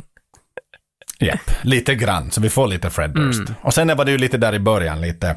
Bam, bam, bam, Ja. I början av Ja, man får lite av de där riffen nu som då, det där lilla riffet med den akustiska, eller inte den akustiska gitarren, men att man får den där melodin och sådär. Men det är ju som aldrig att, Clean. vi hör ju aldrig Fred Durst rappa under hela filmens gång. Det- Nej. det- Så att det var ju inte så stort, även om den här, som vi fick lära oss av, av Axel, den konkurrensen, att man hade en massa band som pitchade och grejer liksom. Mm. I filmmässigt fick de inte så mycket ut av sin låt. Nej, nej, men samma som du, jag köpte också den där singeln på en liten plastbit. Har fortfarande den där singeln kvar och där fanns väl videon med. Axel pratade om någon video som jag inte tror jag har sett, för jag har bara sett någon video när man ser bara bilder ur filmen och den där låten spelar. Jag minns inte någon sån här köpcentersgrej vad han nu berättade om den här musikvideon. Ja, men de gjorde en egen video liksom, som är lite sån här, liksom, de, äh, Limp Bizkit är sin egen Mission Impossible story. Ja, liksom, ja. Lite sådär, på ett sådär, Den vet jag inte om jag har sett. ja, eh, sånt sätt. Mm. Hör du, innan, jag tänker så här, vill du ha, eh, ska vi summera filmen först eller vill du ha skurkdossiären först?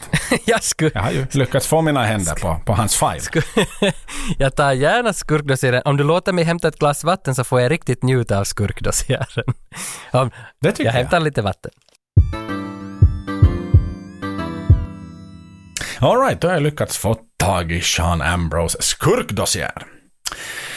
Ehm, han har jobbat som agent länge och väl inom IMF, Impossible Missions Force, och eh, således varit kollega med Ethan Hunt.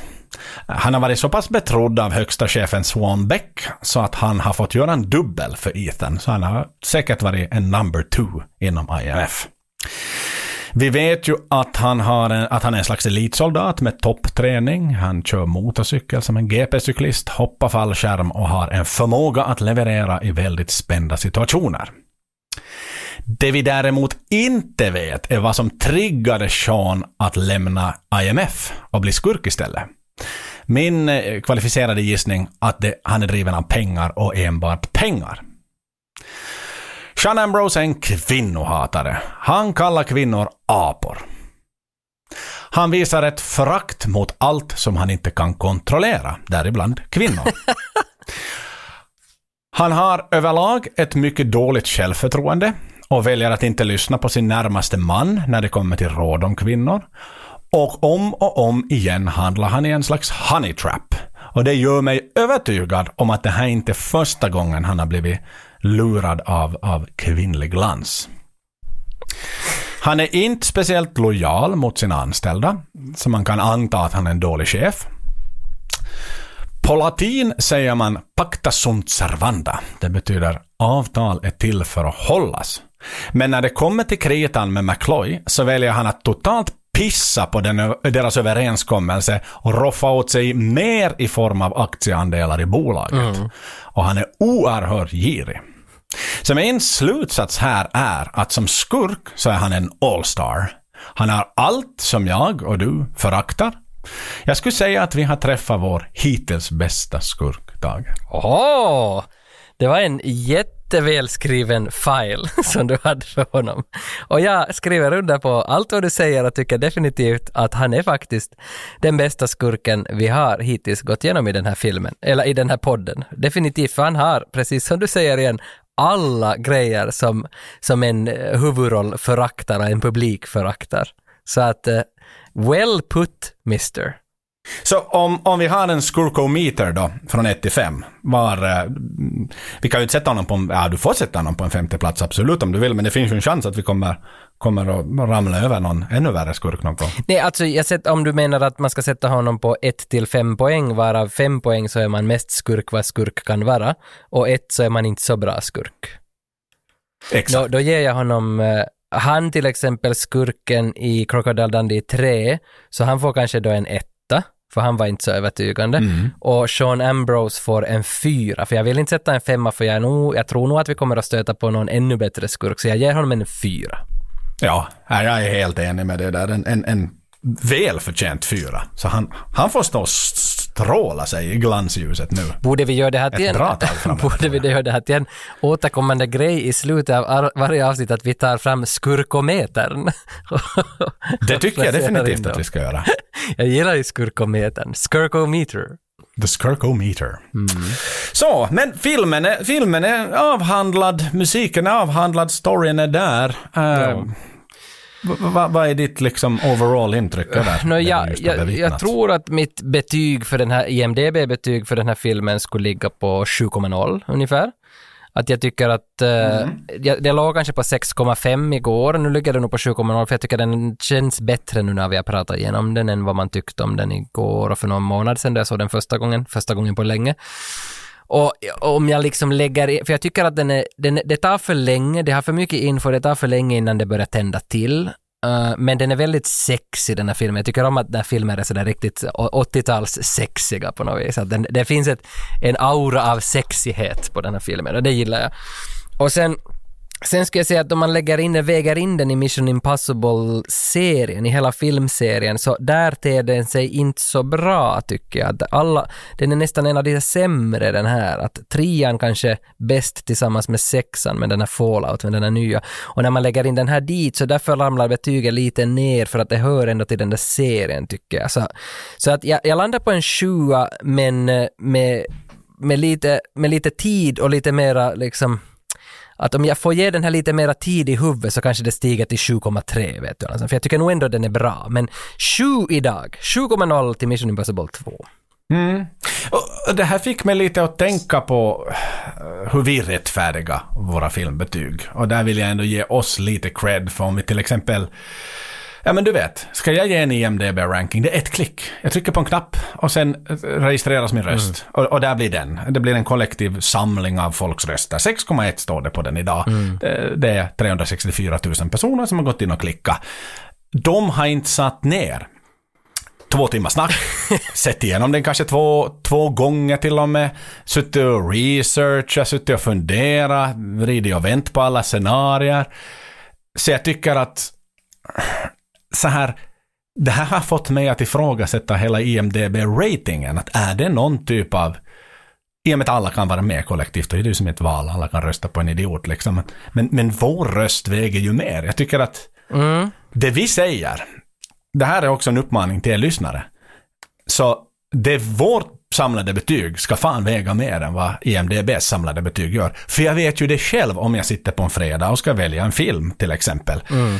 Uh, gå in på IMDB, ah, fuck it, 5,7, nej jag orkar inte sätta två timmar på den. Ah, titta 8,2, ja men den här tar vi. Ja, sådär och så. Och så, så väljer man liksom nästa film baserat på vad alla människor på IMDB säger. Jo. Men i det här fallet, om vi väljer att ge ett högre betyg, då ger den en 7. Och jag väljer också att ge den till och med en 7,5 faktiskt. Jag håller med dig helt vad du säger om att det, det är nog det svagaste kortet i hela, hela sviten av, av Mission Impossible-filmer. För det, det är för mycket pang-pang och för lite story. Och den här storyn som vi var inne på krampas ihop till typ tre, fyra olika scener när det liksom i 30 sekunder bara sprutas ut content på vad som man ska hålla koll på. Och sen så, så är det bara smällar och, och grejer och resten av filmen. Men eh, det är en mycket bättre film än vad, vad det kollektiva internet har, har rankat den till. Som kanske har sett den för väldigt många år sedan och så vidare. IMDB var väl inte så stort 2000 när det här kom heller. Så Mm. att många kanske till och med inte ens har sett den och sen går in och rankar utan man, man dras, man råkar ramla över den och sen så, ja men den är så för 14 år sedan, jag går och rankar den. Mm. Ja men minns du riktigt exakt hur den, hur den var? Nej, det, för, att jag, jag, jag vill bara komma tillbaka till det att Mission Impossible 3 till exempel med Philip Seymour Hoffman, han är så mycket bättre skådis än den här Doug Ray Scott som spelar Sean Ambrose. Jo, jo, jo. Och därför kanske den här också, de borde ha haft en, för, för på manus, på pappret så är den här bad guyen jävligt bra, men det kanske borde ha varit en starkare skådis på, på den posten, möjligen, så skulle ha lyft den här ännu mera.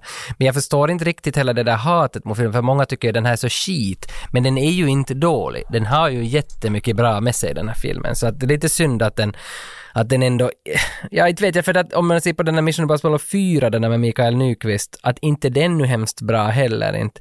Men, men eh, nu tycker jag nästan mer om tvåan än fyra, men när jag såg alla efter varandra så tyckte jag mer om fyran än tvåan, men den här tycker man väl om nu för att man har analyserat sönder den så mycket att man har hittat saker där. Så att eh, det finns nog något starkt över den här, men den, det känns inte ändå som den är jag skulle inte, om jag ska se på Mission Impossible-film ikväll igen så kommer jag att välja sexan säkert, eller femman, Rogue Nation på nytt, liksom hellre än se den här igen. Så, så, så Mm. sju, sju är nog ett bra betyg tror jag för den här. Att det, är, inte- det är inte en åtta, det är en sju. Ja, ja. Ja, men där är jag väl här. Om, om vi nu ger 7,5 ja, då ska det avrundas. Men då ger jag den 7,49 då. Så avrundas den till ett helt tal till en 7. För en 8 är den inte värd, det håller jag helt med om. Nej. Men, men... Och det håller jag helt skrivet under alla dagar i veckan som du säger. Det, var, det, det är en svag casting av skurken. Liksom han, visst han spelar skurk men han är ju ganska sådär enkelspårig. Bitch! Liksom, you, you're like a monkey climbing from one tree to another. Liksom att, som sådär väldigt sådär, fan ta nu någon som har lite mer strängar på sin lyra. Men samtidigt är han ju en trubbig gammal agent liksom. Inte kanske de är så jävla liksom djupa människor som sådana. Utan han har varit en IMF-agent och farit liksom ut och döda folk och Ja, retrieva han är ju- diverse olika Han är grejer. ju pengakåt, liksom. Pengakåt som bara den. Han är inte, inte är ju driven av något syfte. Nej, han är ju, han är inte ju inte att en han liksom psykopat. ville bli gud. Liksom. Inte som Bondskurkar som är liksom drivna, som, det är ju de ska bli gud, om de ska bygga en ny värld, som, de är som Hitler egentligen, många Bondskurkar och sådär. Mm. Men i det här fallet, han, han vill ha stålar, kort och gott. Han hade kunnat, med sina resurser hade han kunnat råna några banker istället liksom och plocka in stålarna. Ja, verkligen. Man tänker hur mycket resurser han har i bad guys och pengar och, och se villor och polystrupens liksom hideouts och allt möjligt vad han har. Så att, vet jag nu, 37 miljoner känns också ganska lite att om det ska vara 300 miljoner som det gäller så för 37 miljoner. Han ska ju ändå dela upp det på sina bad guys, som det är ju säkert en 20-25 personer på hans lönelista också som ska betalas bort sen då han får sina 37 miljoner. Och vad ska han sen göra? Girighet föder väl girighet, så han hittar väl på något nytt sen då efter det där. Men, men, men ja, pengarna har styrt honom och, och han var ganska tunn karaktär egentligen, men han är bra. Att han har mycket bra dri- drivkrafter ändå som funkar, han skulle ha fått vara en bättre skådis. Ja, och sen är ju bra fys. Alltså han är ju så här, lek- Seymour Hoffman är ju ingen fighter Nej. liksom. Det är han ju i alla fall. Att, så där får man ju det här liksom agentkaraktären i honom. Att han, han kan nog ta hand om sig själv och klara sig ur en svår situation. Sen är ju Ethan kanske de må hända ännu tätare liksom i form av fysiska kamper. Ja, ja, ja. Men all in all, jag tycker det här var en cool film och det här är ju den, det är ju den dyraste filmen vi har gjort hittills. eh, Kan jag våga påstå också. Ja, eller dyraste filmen vi har pratat om. Vi har ju inte gjort Mission Impossible 2. Nej men vi får väl säga att vi har gjort. Alltså som vårt avsnitt har gjort. Ja, så, Vårt dyraste avsnitt vi har gjort. Som baserar sig på en film. mm. Och så tror jag att det här är också den enda podden i Finland som har satt ner 30 minuter på, på två låtar. liksom Metallicas I Disappear-analys och Fred Dursts analys. Jag tycker att ja, det finns säkert ingen annan som har tagit hand om det på 30 minuter här, så det är ju också värt det en eloge. Så vi är tillbaka med en smäll hörni. Det är kul att ni har varit med oss. Vi, vi har en lite passiv Facebookgrupp. Våga skriva där. Gå in i den. Memphis Rains Go-Kart Club. Eh, det är ni som definierar vad den ska innehålla. Jag och Tage ska hjälpa till där och få igång snacket lite mer också. Men det är en filmklubb. Vi kan prata den här filmen, vi kan prata tidigare filmer, vi kan prata aktuella filmer som kommer på bio. Sky is the limit där. Så att, gå jättegärna in och, och, och, och kom med i den klubben. Vi har så här att man requestar, men det är bara för att vi inte ska få massa ryska, ryska bottar som kommer in där och börjar sprida, propaganda. Så. Det är det, jo, jo, för man vill gärna, man blir glad när någon skriver någonting där och har någon idé eller sätter en bild av någonting så att det föds alltid en liten diskussion och där, där om du kommer med dit i klubben Memphis Rains Go-Kart sällskap på Facebook så det är ju ganska som, det är ju genuina själar där. Där är typ hundra människor och alla är väldigt intresserade av gamla 90-talsdängor så att ni kan hitta kompisar där till och med liksom att diskutera med. Så där finns, där finns väldigt trevligt folk så välkomna med dit och diskutera. Och där kanske vi kan dra ihop något roligt här under, för er som är bosatta i, på den här sidan av vattnet till exempel. Om man nu går någon nostalgisk film någon gång på bio eller någonting. Jag menar, ska, som sagt, sky is the limit där. Så det kan vi, kan vi göra vad som helst med. Exakt. Och sen kan ni ju alltid mejla oss på, vad är det vi har för mejladress? Det är 9606podcast.gmail.com. Och jag påminner fortfarande att eh, vi håller på med en liten tävling som har pågått här i flera månader.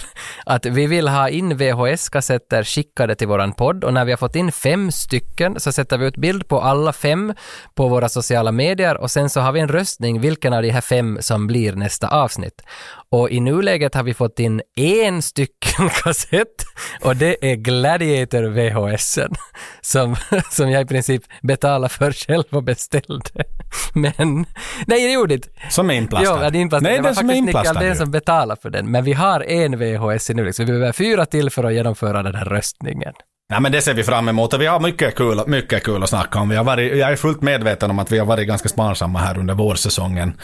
Med kanske inte de största blockbusters, i och för sig några undantag, men, men nu, nu är det dags för oss att eh, nu har vi blivit så pass varma i kläderna så nu jävlar ska vi börja av, eh, avverka grejer där det smäller och grejer där det händer och saker som vi, som vi alla har sett. Så håll i hatten. Until the next time. Ja, till nästa gång gossar och tjejer. Det var riktigt roligt att gå oss igenom det här. Nu behöver vi inte se på någon Mission Impossible på en längre stund igen. Men det var roligt så länge det varar.